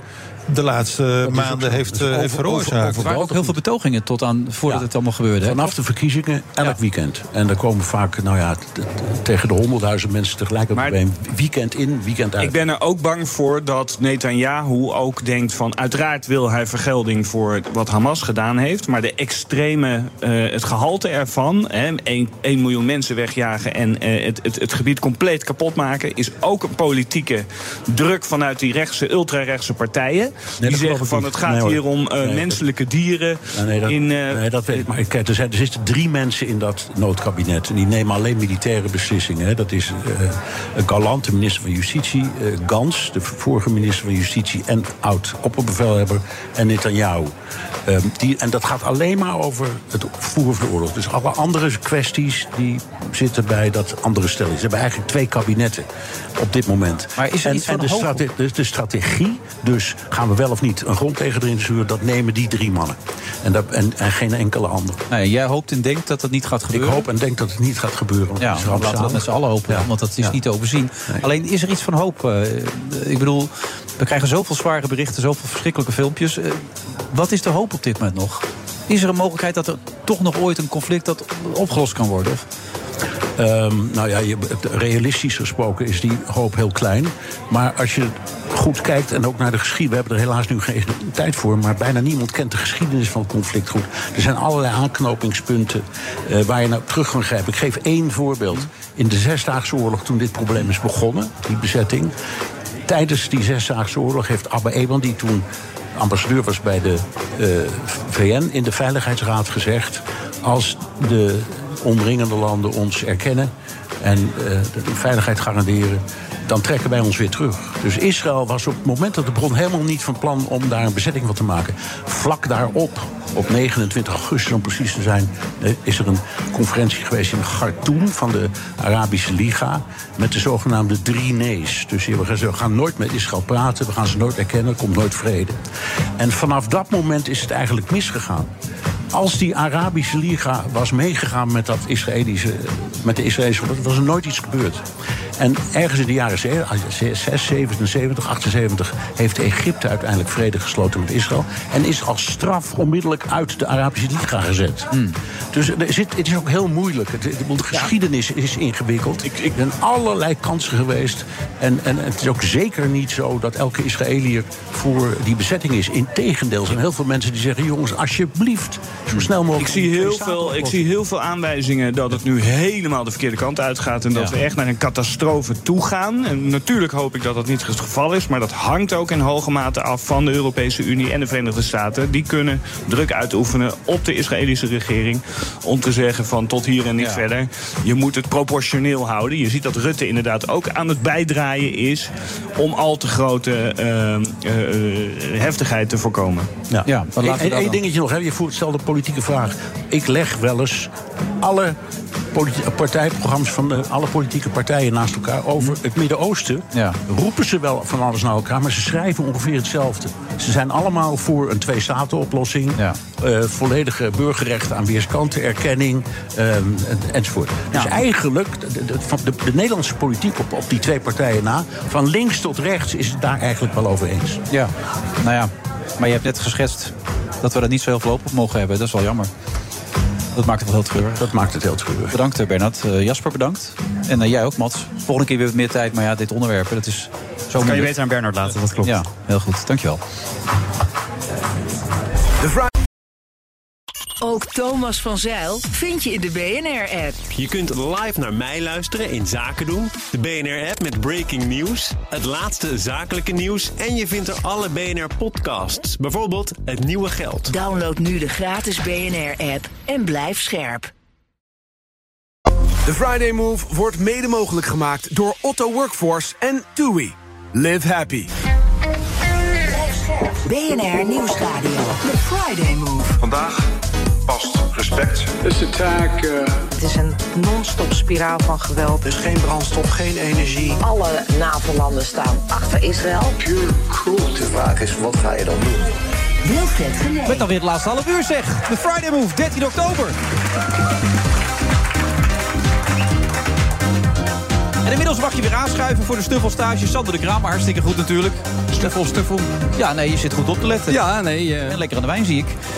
Eh, Edwin Winkels, die nog steeds aanwezig is. En Noah Falen, dames en heren. Gisteren tot talent van het jaar uitgeroepen. Nou, fantastisch toch, hè? ja, dat is echt fantastisch. Ja, de Ja. terechte winnaar. Dankjewel, Absoluut. Sander. Dankjewel. En waarom is het een terechte winnaar dan? Nou Sander de ja, Kramer? eh, als je het hebt over talent, kijk eens eventjes. Er zit even een, een, een, een brok talent daar. Nee, ik vind echt Nootje. Ik mag altijd nootje Ja, zeggen. Ik mag nootje zeggen. Nou ja, ik heb er heel vaak meegemaakt. eh, bij de Oranje. Zomer. Ja, Ja. Oranje Zomer natuurlijk ook veel. En eh, jij bent zo relaxed. Jij straalt dat helemaal uit. Je gaat er lekker voor staan. En, en, en, en je weet soms niet eens volgens mij waar je, waar, je, waar je wil gaan eindigen. Maar je maakt er een fantastisch verhaal van. En ik vind ik, ja, ja en, je, maar je, en, je, en je hebt verstand van zaken. Dankjewel. Ook belangrijk. Nou, nog meer veer in Dat mijn is echt heel kritisch wat je hier nu eh te bergen. Wat, wat moeten ze nog ontwikkelen dan? Of is alles al oké? Nou, ik, eh, nou, wat ik wel afvroeg. Vind je studio leuk? Want je hebt nu natuurlijk Nou, nog ingevallen in de studio. Nee, hè? Ik, nou, ik heb dat twee keer gedaan. Ik vind wel, eh, het is natuurlijk denk ik wel anders hoe jij, Wilfred, in de studio zit bij Vandaag Zuid met publiek eromheen. Maar ik heb dan twee keer echt met één analist. Dus zit je gewoon in een soort van hele grote eh, zwarte doos te Ja. kijken. Ehm, nee, dus ik voel me nu nog wat eh, meer Het op lieve publiek blij. veld. Dat vind je fijn dat al die mensen eromheen zitten. En, ja? Nee, gewoon lekker op het Gewoon op straat. Veldstraat. Veldstraat, waar dan ook, op locatie. Ja, lekker freewheelen. Lekker freewheelen. Nou, en denk je nog dat je, je je been in het gips zat? Wat was het? Nee, op krukken. Op krukken. Nou, dan zou je gaan lopen. Zou je, dan zouden ze de vierdaagse gaan meelopen. Zo alles in, in, in, in, eh, in, de, stel, in de stellings gezet. Ja. En toen ging het mis. Ja. En toen stond je daar Ging zo. het hele item niet hinkend. door. Nee, precies. Hey, wij, hadden, wij hadden even geoefend samen, ook al op de, op de speech. Bij als het goed, goed zou gaan en het slecht zou gaan. Je hebt hem gewoon gedaan, hè? Gewoon die Ik heb hem kruiwagen. Die hebt hem gewoon erin heb ik gewoon in gegooid. Wij doen namelijk in de wandelgang een afloop van onze show. En toen hebben we even geoefend alvast. Van hoe het zou zijn als je zou winnen en hoe je zou verliezen. Je, je hebt gezegd wie ze, wie ze moest bedanken. Ik speelde dan, eh, speelde dan even de, de voice-over. Dames en heren, de winnaar is Noah Valen. En dan moest zij reageren. Camera zo. Dus, eh, en, maar- Nee, en toen vroeg jij, wat, wat ga je dan zeggen? En, Ja. eh, en toen zei ik, nou, ik maak misschien wel een grapje over mijn kruiwagen. Nou, Ja. dat heb ik gedaan gisteren. Ja, die was echt geweldig. Die was Ja, fantastisch. was, was het vergelijkbaar met toen wij er in de wandel- wandelgangen stonden? Of was het toch iets spannender gisteravond? Het was wel een tikkie spannender. Toch spannender. Je- het werd ook zo uitgelicht. Dus je, je keek zo'n grote zaal in en dan zit natuurlijk iedereen je aan te koekeloeren. Ja, met die jurk aan. Hè? Met die jurk Ja, aan. en, wat was eh, dat, die jurk, eh, Noah? Ja, dat vond je niet leuk? Ja, moet je heel eerlijk aan. Ja, ja, nee, geen maar eerlijk. Dat sloeg helemaal nergens op. Oké, nou ja. Ik, ik vond het leuk. Ik dat Ja, nou ik toch? vond het echt leuk. Het was ook geen soort- jurk, hè? soort- nee, wat was het eigenlijk dan? Nou, het was een pantalon, een broek met Ja? een blouse en dan een, een corset, een roze corset. Ja, maar die was een beetje geëxplodeerd voor de uitzending. Ja, Ja, die was gewoon opgeblazen ja maar iemand. dit is mode, Wilfred, denk ik. Dat hoort erbij. Kijk, ik, ik heb daar natuurlijk ook niet zoveel verstand van. Maar deze modeontwerpster die ik echt fantastisch vind. Ik was bij haar show en toen Ja? dacht ik, wow, wat cool. Eh, en toen mocht ik iets van haar aan en toen ben ik in haar Hoe kwam ze atelier. hiermee? Nou ja, dit hebben we samen uitgekozen. Echt waar? Ja, ik vind het leuk. En volgens mij heel veel mensen ook. En andere mensen vinden het weer wat Nee, minder. ik ben een oude lul, dat weet ik ook. Nou ja. Maar wij zaten met grote, wij drieën zaten met grote verbazing Oh, te kijken. Nou ja, goed. En Rox heeft er ook nog commentaar op gegeven. Die zei het is ook niet Hoorde ik, ja. Ja, Ja, het Is, ja. Nou ja, prima. Ach joh. Ja, krijg je daar commentaar op, hè? Ja. Nou, maar Hey, en dan ben je niet de oranje zo, maar was het doorgestoken kaart, toch? Ik wist dat je dit, dit vind jij. Ja, nee, ja, ik, Ja, nee, ja, nee. Nou, Nee? ik vind Oogappels een terechte winnaar. Nee, dat hoor ik ook. Een geweldig programma. Ik heb het Ja. nooit gezien, maar het schijnt geweldig te zijn. Dus eh, daar, daar gaat het even niet over. Maar ja, met ons publiek, dat kan toch haast niet? Ja, ze hebben dan toch niet genoeg gestemd. Ja, dat kan haast niet. Nee, kan haast niet. Er zaten mensen op die krukken daar, die hadden op een gegeven moment een lamme vinger. Die konden niet meer. Die, die vielen van die kruk af tijdens de uitzending. ja. Omdat ze gewoon te Hadden jullie die ingehuurd? waren. Nee, die mensen kwamen gewoon Oh. spontaan. Hey, eh, w- hoe nu verder? Hoe nu verder? Nee, ja, hoe nu verder? Jij weet dat ook. Ik wil gewoon lekker dit blijven doen wat ik nu doe. Ja. Dus deze prijs verandert daar helemaal niks aan, denk ik. Dus ja, ik ga, ik bedoel, ik ga straks naar het Nederlands elftal. En dan eh, gaan we volgens mij even schakelen met, eh Ja, met dan de gaan we show. jou even in de show eh, en dan gaan we feliciteren Ja. over die jurk. En met die jurk. Heb je hem aan ook dan? Nee, ik heb hem nu thuis gelaten. Oké. Ik had het redelijk warm er ook in. Het loopt ook niet heel lekker, dus ik hou even dit aan. En ik las dat Jordi Verstegen jou geïnterviewd had... en jouw moeder had je wat tips gegeven. Die heb ik niet gezien, Jordi, toevallig. Maar wat waren de tips van je moeder dan? Nou ja, het waren ook niet heel veel tips. Maar ik kreeg alleen maar de vraag natuurlijk over mijn moeder. En wat heeft ze je meegegeven en wat heeft ze gezegd? En waarom was ze er niet? Nou ja, dat soort dingen. Nee, wat heeft ze gezegd? Hoe je moet staan en poseren en altijd leuk lachen. En eh, altijd vriendelijk eh, Ja. Even antwoord geven op de vragen, punt. ja waarom was ze niet eigenlijk dan? Nee, die vond het gewoon prima om het Ja? thuis te bekijken. Ze had het op zich denk ik wel leuk gevonden bij De moeder van Helene staat er wel namelijk. Ja. Had ze mooi naast de moeder van Helene Ja. kunnen zitten. Allebei zwaaien zo dan. Ja. met z'n tweeën.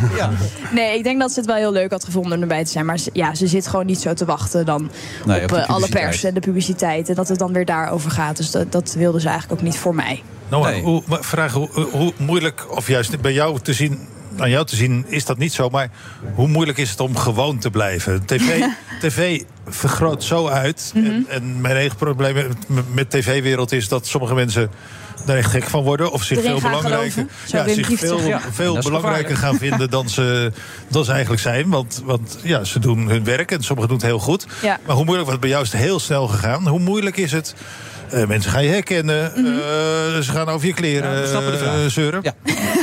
Vind je het een lange vraag? Ja, dat is vrij lang. Lang voor Nee, dat, ik vind dat niet zo. Kijk, ook zoals gisteren. ehm, en dat, dat krijg je dan ook vanuit je omgeving. Geniet ervan. En morgen is het gewoon weer normaal en ga je gewoon weer je werk doen. Eh, en ook door de mensen om je heen denk ik dat je gewoon heel lekker gewoon blijft. En al die mensen om me heen zijn de afgelopen twee jaar dat het redelijk geëxplodeerd is, niet veranderd. Dus, eh, en goed, anders heb ik Wilfred die wat tegen me zegt dat ik even, even relaxen moet doen natuurlijk. Nou ja, daar waar ik kan probeer ik altijd te helpen Ja, nee, dat natuurlijk. vind ik fijn. Dus in dat opzicht eh, probeer ik je daar echt eh, serieus bij te begeleiden.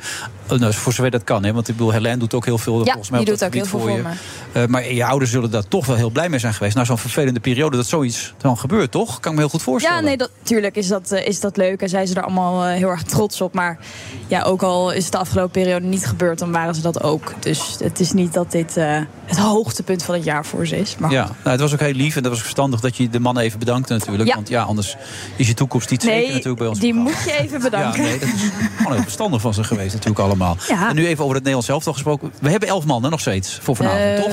Volgens mij net elf, denk ja, ik. elf, hè? Ja. we hebben er elf. Ja, maar wat wordt dat vanavond? Want je gaat een serieus verslag lopen doen. Ik ga er serieus verslag lopen doen. Ja. Nee, ja, iedereen denkt natuurlijk, het wordt helemaal niks. Maar erger dan de 0-4 in Parijs kan het niet, denk ik.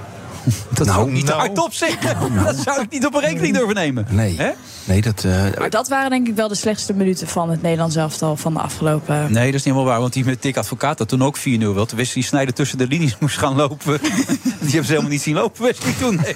Dat, was, dat, had, dat had zo ook 8-9-0 kunnen worden. Toen kreeg ik ook nog een rode kaart volgens mij. Met een speler die eruit ging.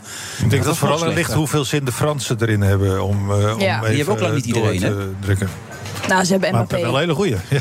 Ja. Mbappé. Hey, jongens, even, we moeten heel even stilstaan bij een echte Nederlandse legende als het over voetbal gaat. Oh ja, vertel. Oh, je bent er net geweest, toch? Vaas Wilkes, 100 Ken jij jaar Vaas vandaag Wilkes? zou die zijn geworden. Ken ik wel. Van naam. Ja, Vaas was eigenlijk de idool van Johan Cruijff. Johan Ja. Cruijff keek, is, is heel erg hard gaan voetballen omdat hij Vaas Voor Wilkes wilde zijn. En Vaas zou vandaag 100 zijn geworden. Heeft vandaag een enorme muurschildering gekregen in Rotterdam. Eén groot feest met zijn zoon, zijn familie en zijn kleinkinderen. Die hebben uiteindelijk eh, het feestelijk geopend. Was echt, eh, ja, toch lange tijd topscorer aller tijden geweest. Vijf jaar niet mogen voetballen bij het Nederlands elftal. Omdat hij geschorst was. Omdat hij de eerste voetbalprof was. En het Nederland, de KNVB, zei van nee, wij doen alleen een amateurvoetbal. Ja, bij, bij, in Milaan en Valencia ging voetballen, dat mocht niet. Nee, dat mocht niet. Vijf jaar lang niet voor het Nederlands elftal mogen spelen. En hoe groot was die geweest anders? Stukje voetbalgeschiedenis dit. Ja, dat is mooi. Ja, daar kun je nog wat van leren. Ja. nou. Heb je, heb je Vaas gekend? Nee. Niet persoonlijk. Is ja, één- ik ben in. Valencia, het nog steeds huidige stadion, is één tribune bijgebouwd. Omdat er zoveel mensen in Valencia Vaas Wilkes wilden zien dribbelen. Geen Nederlandse voetbal, zelfs de Cruijff heeft niet zo gedribbeld als Vaas deed. Eh, en toen is moest er een hele tribune worden bijgebouwd in het Luis Casanova stadion van Valencia. om eh, al die mensen eh, plaats te geven. Hoe groot was die? Ja, Hij was Vaas de eerste heel groot. buitenlandse voetballer van Valencia. was hij. Eh, schieten ons om de oren hier. Hè? Ja, dat was is hij werd voetballer van het jaar voor Kubala en Di Stefano. En dat waren hele grote. Dit was onze vaas uit Rotterdam, hè? Je kent het hoor, volgens mij eh, eh, Chantal heel goed, hè? Waarschijnlijk ja, ook al van vroeger. vroeger en zo natuurlijk. Ja, met Johnny en zo. Ja, nou, toen was ik, hoe oud was ik? Denk ik vijf, zes Ja. of zo. Toen kende ik Chantal. Ja, is dat nou ook jouw streven? Ze heeft hem zes keer gewonnen om dat eh, uiteindelijk te gaan doen, die ster? Nou, ik zal je eerlijk zeggen, eh, ik, het is niet een streven om dat zo vaak mogelijk te winnen. Ik vind het fantastisch wat er gisteren is gebeurd, maar Ja. het is toch ook wel heel veel zo'n gala. Ja, Dus, eh, te veel? nou, soms een beetje te veel, maar ik heb Ja. er enorm van genoten. Oké. Van harte nogmaals gefeliciteerd. Dankjewel. En eh, nou, je krijgt een herkansing, denk ik, de komende jaren wel, toch? Voor, je bedoelt die outfit? Ja. Nou, ik, ik vind het nog steeds een leuke outfit, Wilfred. Ja, je bent een kanjer hoor. Zet hem op, Zo, een nootje. hè? Nootje. Veel plezier vanavond. We gaan er even schakelen. We zien even elkaar zo. Eh, Ook voorspelling? Gelijk spelletje. Gelijk spelletje. Nou, ja. Positief ingestoken. Ja. Noah, nou, veel plezier daar dan. Dank je. Hey, eh, gelijk Eh, ja, we gaan voor een gelijkspelletje. Gelijk spelletje? 0-5? Ja, ik denk ook zoiets ook gezegd. Dat we helemaal zoek gespeeld We gaan voor een gelijkspelletje. Wordt 0-5. Dat Ja. klopt. Oh, oké, dan zijn we eruit. En je hebt dat boek meegebracht, tapasverhalen en eh, recepten. Ik heb nou de hele tijd geroepen, op donderdag wordt er altijd paella gegeten in, eh, in, in Spanje. Waarom is dat? Dat is omdat begin jaren 60 wilde dictator Franco het isolement breken van het land een beetje en toeristen naar Spanje trekken. En hij verplichtte toen bij wet aan alle restaurants in de grote steden en aan de costas om elke dag middag een goedkoop menu te hebben voor Menu de toeristen. toeristico. Menu toeristico. Ja. En dan kon je voor zoveel pesetas, dat hing af van het restaurant... die moesten dan een voor, een hoofd en een nagerecht hebben, een drankje erbij. Eh, en dat moest er voor de toeristen zijn, was helemaal geen succes. Die Nee. restauranten. Maar het opvallende is dat nu, anno 2023... dat, menu, dat is, heet nu Menu del Dia, het dagmenu...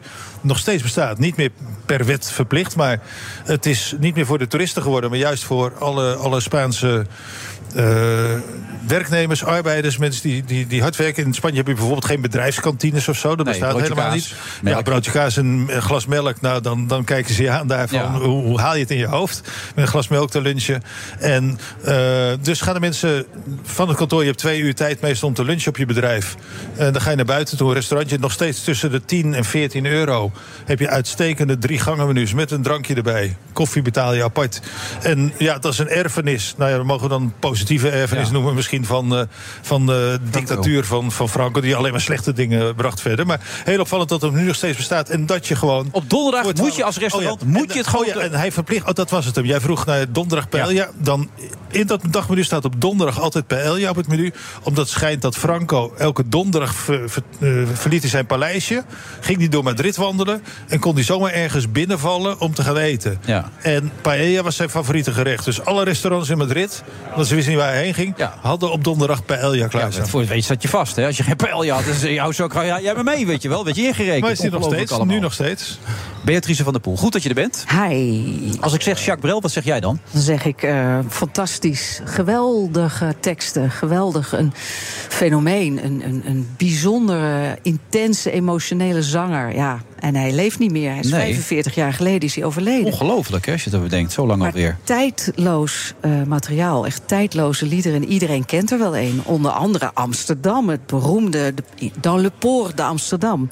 En dan in het Nederlands. Ja, we zouden een stukje kunnen laten luisteren. Waar de zeelui gaan zwieren en de meiden versieren. Buik aan buik, lekker klam. En het draaien hun wentelende zon. Maar dat, dat is wel een, een, een erfenis waar je niet zo aan begint natuurlijk, lijkt mij. Toch? Nee, dat is wel even. Daar kan je enorm je vingers aan bra- branden. Want, Ja. want er, is natuurlijk, er zijn enorme scharen hele, hele, hele heftige Brel-fans. Ja, die zijn eh, heftig ook. Die Bo van is bijvoorbeeld is een Brel-fan. Als je het fout doet, dan heb je een probleem met hem. Ja, ja. ja. Maar Daarom ik hebben wij al heb, jaren eh, problemen. Maar ik heb me toch eh, op dat, eh, ja, op, op die, eh, hoe noem je dat? Op die, die lijn, ja, ben ik, ik ben gaan Je bent het pad balanceren. ingegaan. Ik ben het pad ingegaan. Ja, en hoe beviel dat?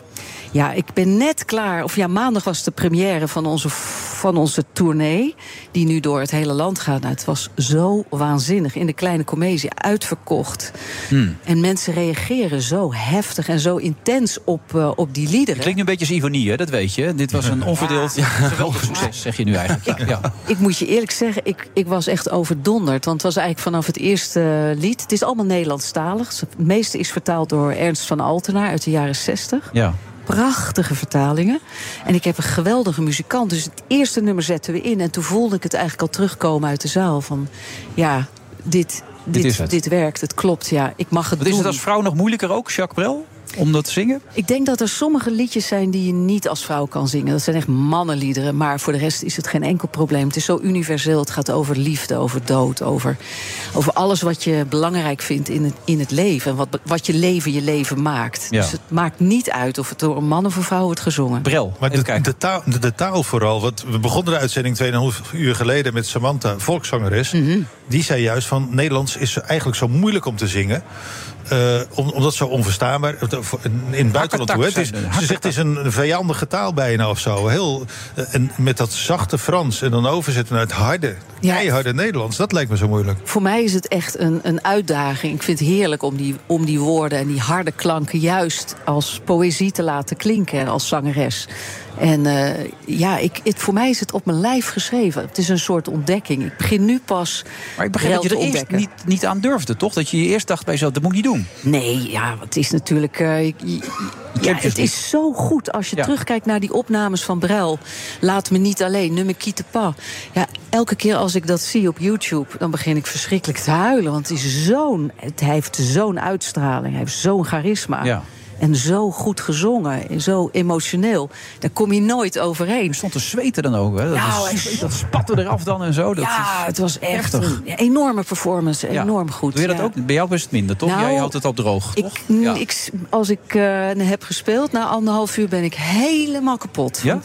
Die muziek vraagt om 200% eh, eh, intense kracht om het te zingen ook. Niet dat ik hard hoef te zingen, maar nee, het maar is... je moet er alles in leggen. Het is gewoon emotie. Uit je tenen moet het komen. Absoluut, je Ja, moet het dat echt moet jou aanspreken. menen. Want dat is een man die alles uit zijn tenen de Sander. tenen, ja. Onze Nu ook weer. Ik voel het gewoon. Je voelt. Ja. Maar heb je wat met Brel of zeg je... nou, Ja, Brel, zeker. Ja, ik... Le chanson de vieux amant. Ja, Zing je liefde, die? liefde van later, ja. Als liefde zoveel jaar kan duren, dan moet het echt wel liefde zijn. Die heeft Herman van Veen toch de vele kille uren, de domme fouten en de pijn, et cetera. Ja, het is een heel Nee, als ik intens het- nummer. Uit mijn hoofd ken ik hem niet, maar als ik hem in het Frans luister... dan Ah, kan ik ja. hem... Ik heb Frans ge- geleerd op school. En deze heb ik helemaal uitgeschreven om echt te snappen wat hij zong. Ja, geweldig. Eh, over vitrages, over het bed, over... De... Maar niet Ja. iedereen kan dat zingen, toch? Nee. Brel, dat is toch best wel... Ja, ik weet niet. Ik, ik probeer het en tot dusver krijg ik goede reacties. Ja. Dus ik ga ermee door. Als iemand had gezegd dat moet je niet doen, dan had ik het nooit. Dan was ik niet hiermee doorgegaan. Want is... Wat, waar kunnen mensen je allemaal gaan bekijken dan de komende Nou, ik tijd? heb een hele lijst. Een lijst? Eh, morgen spelen we in Hoofddorp. Eh, even kijken waar we zitten. Je gaat gewoon de lijst voorlezen. Nijverdal. Je- Er zijn ook Nee, mensen die nee, geven de nee. website. Maar... Nee, maar ik, ik- je kan even kijken op beatricezinktbrel.nl. Daar staan ze allemaal onder elkaar. We gaan van Ik Nijverdal had naar Beatrice Kuik. moeten zeggen. Beatrice. Oh, sorry. Ja. Ik zei Beatrice, zei ik. Ja, We- Beatrice. Wist je Frans dat? is Beatrice. Beatrice, maar ik ben Beatrice op zijn Italiaans. Ja. Weet je trouwens dat ik jarenlang de stem van BNR ben geweest? Echt waar? BNR bespaart je de onzin. En dan kwam ik daarna. Ja, Dat is best wel een rare ja. combinatie Ja, dan. Dat is Beatrice, die is stijlvol. En dan komt die platte gozer met zijn Nederlandstalige nummers en zo. Ja. Maar hoe, waar- waarom weet je zo zeker dat het Beatrice moet zijn dan? Ja, dat is op zijn Italiaans. Zo, zo heb ik het. Mijn vader leerde mij dat, dat ik het zo moest, als fietsje moest uitspreken. Maar is hij zelf Italiaans, je vader dan? Nee, dat is hij niet. Mijn man is wel half Italiaans. Oké, dan is wel goed Het is heel gekomen. normaal in Italië, Beatrice. Ja. Ja, maar hij heeft het dus bepaald dat het Hij Beatrice heeft het is. bepaald, ja. ja. Dus als, als Ja. dat niet het geval was, ik had het iemand dus ook... Oh, oké, nu snap Ja, ik hem ja, allemaal. je maar goed, je kan naar een website toe, nog één Ja, keer. Beatrice. Beatrice zinktbrel.nl. Daar staat een hele lijst met speeldata. En eh, ja, ik hoop iedereen in het theater te zien. Zeker de mensen die van Brel houden en van Nederlandse, goede Nederlandse teksten. Zo, nou kijk, Sander, nou werkt Jij wil het wat zo. zeggen. Ja, dat wil ik, ik wil Sander ook het laatste woord geven. Sander is een snuffelstage aan het doen. Omdat hij over een paar weken de show gaat overnemen op de Capverdische eilanden. Iedereen mag inmiddels mee. Namens Toei heb ik al doorgekregen. Je moet er nu met een ver- verrassende vraag uitgaan. Je moet nog. 777. Ja, Ik ga, ik ga er verrassend uit. Eh, is jouw Frans goed? Niet zo goed, ik kan een brood bestellen. Weet je wat mijn oma zei? Nou? Ik kom echt uit hartje Rotterdam. Die zei, ik ken geen Frans, maar Frans kent mij ook niet.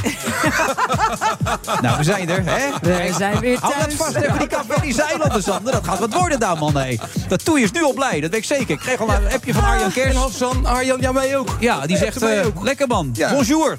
Ja, ja, Ja. klopt. Nou goed, Beatrice, dankjewel. Ja, Succes. En de mensen kunnen gewoon naar de website. Beatrice.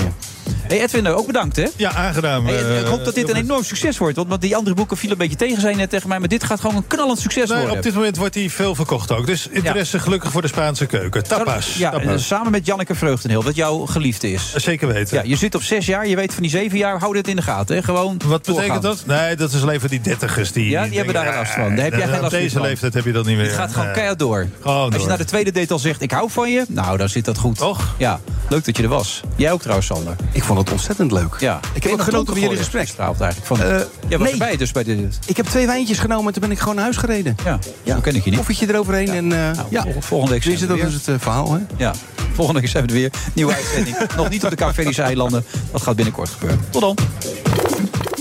De Friday Move wordt mede mogelijk gemaakt door TUI en Otto Workforce. Our people make the difference. Ook Thomas van Zeil vind je in de BNR-app. Je kunt live naar mij luisteren in Zaken doen. De BNR-app met breaking news. Het laatste zakelijke nieuws. En je vindt er alle BNR-podcasts. Bijvoorbeeld Het Nieuwe Geld. Download nu de gratis BNR-app en blijf scherp.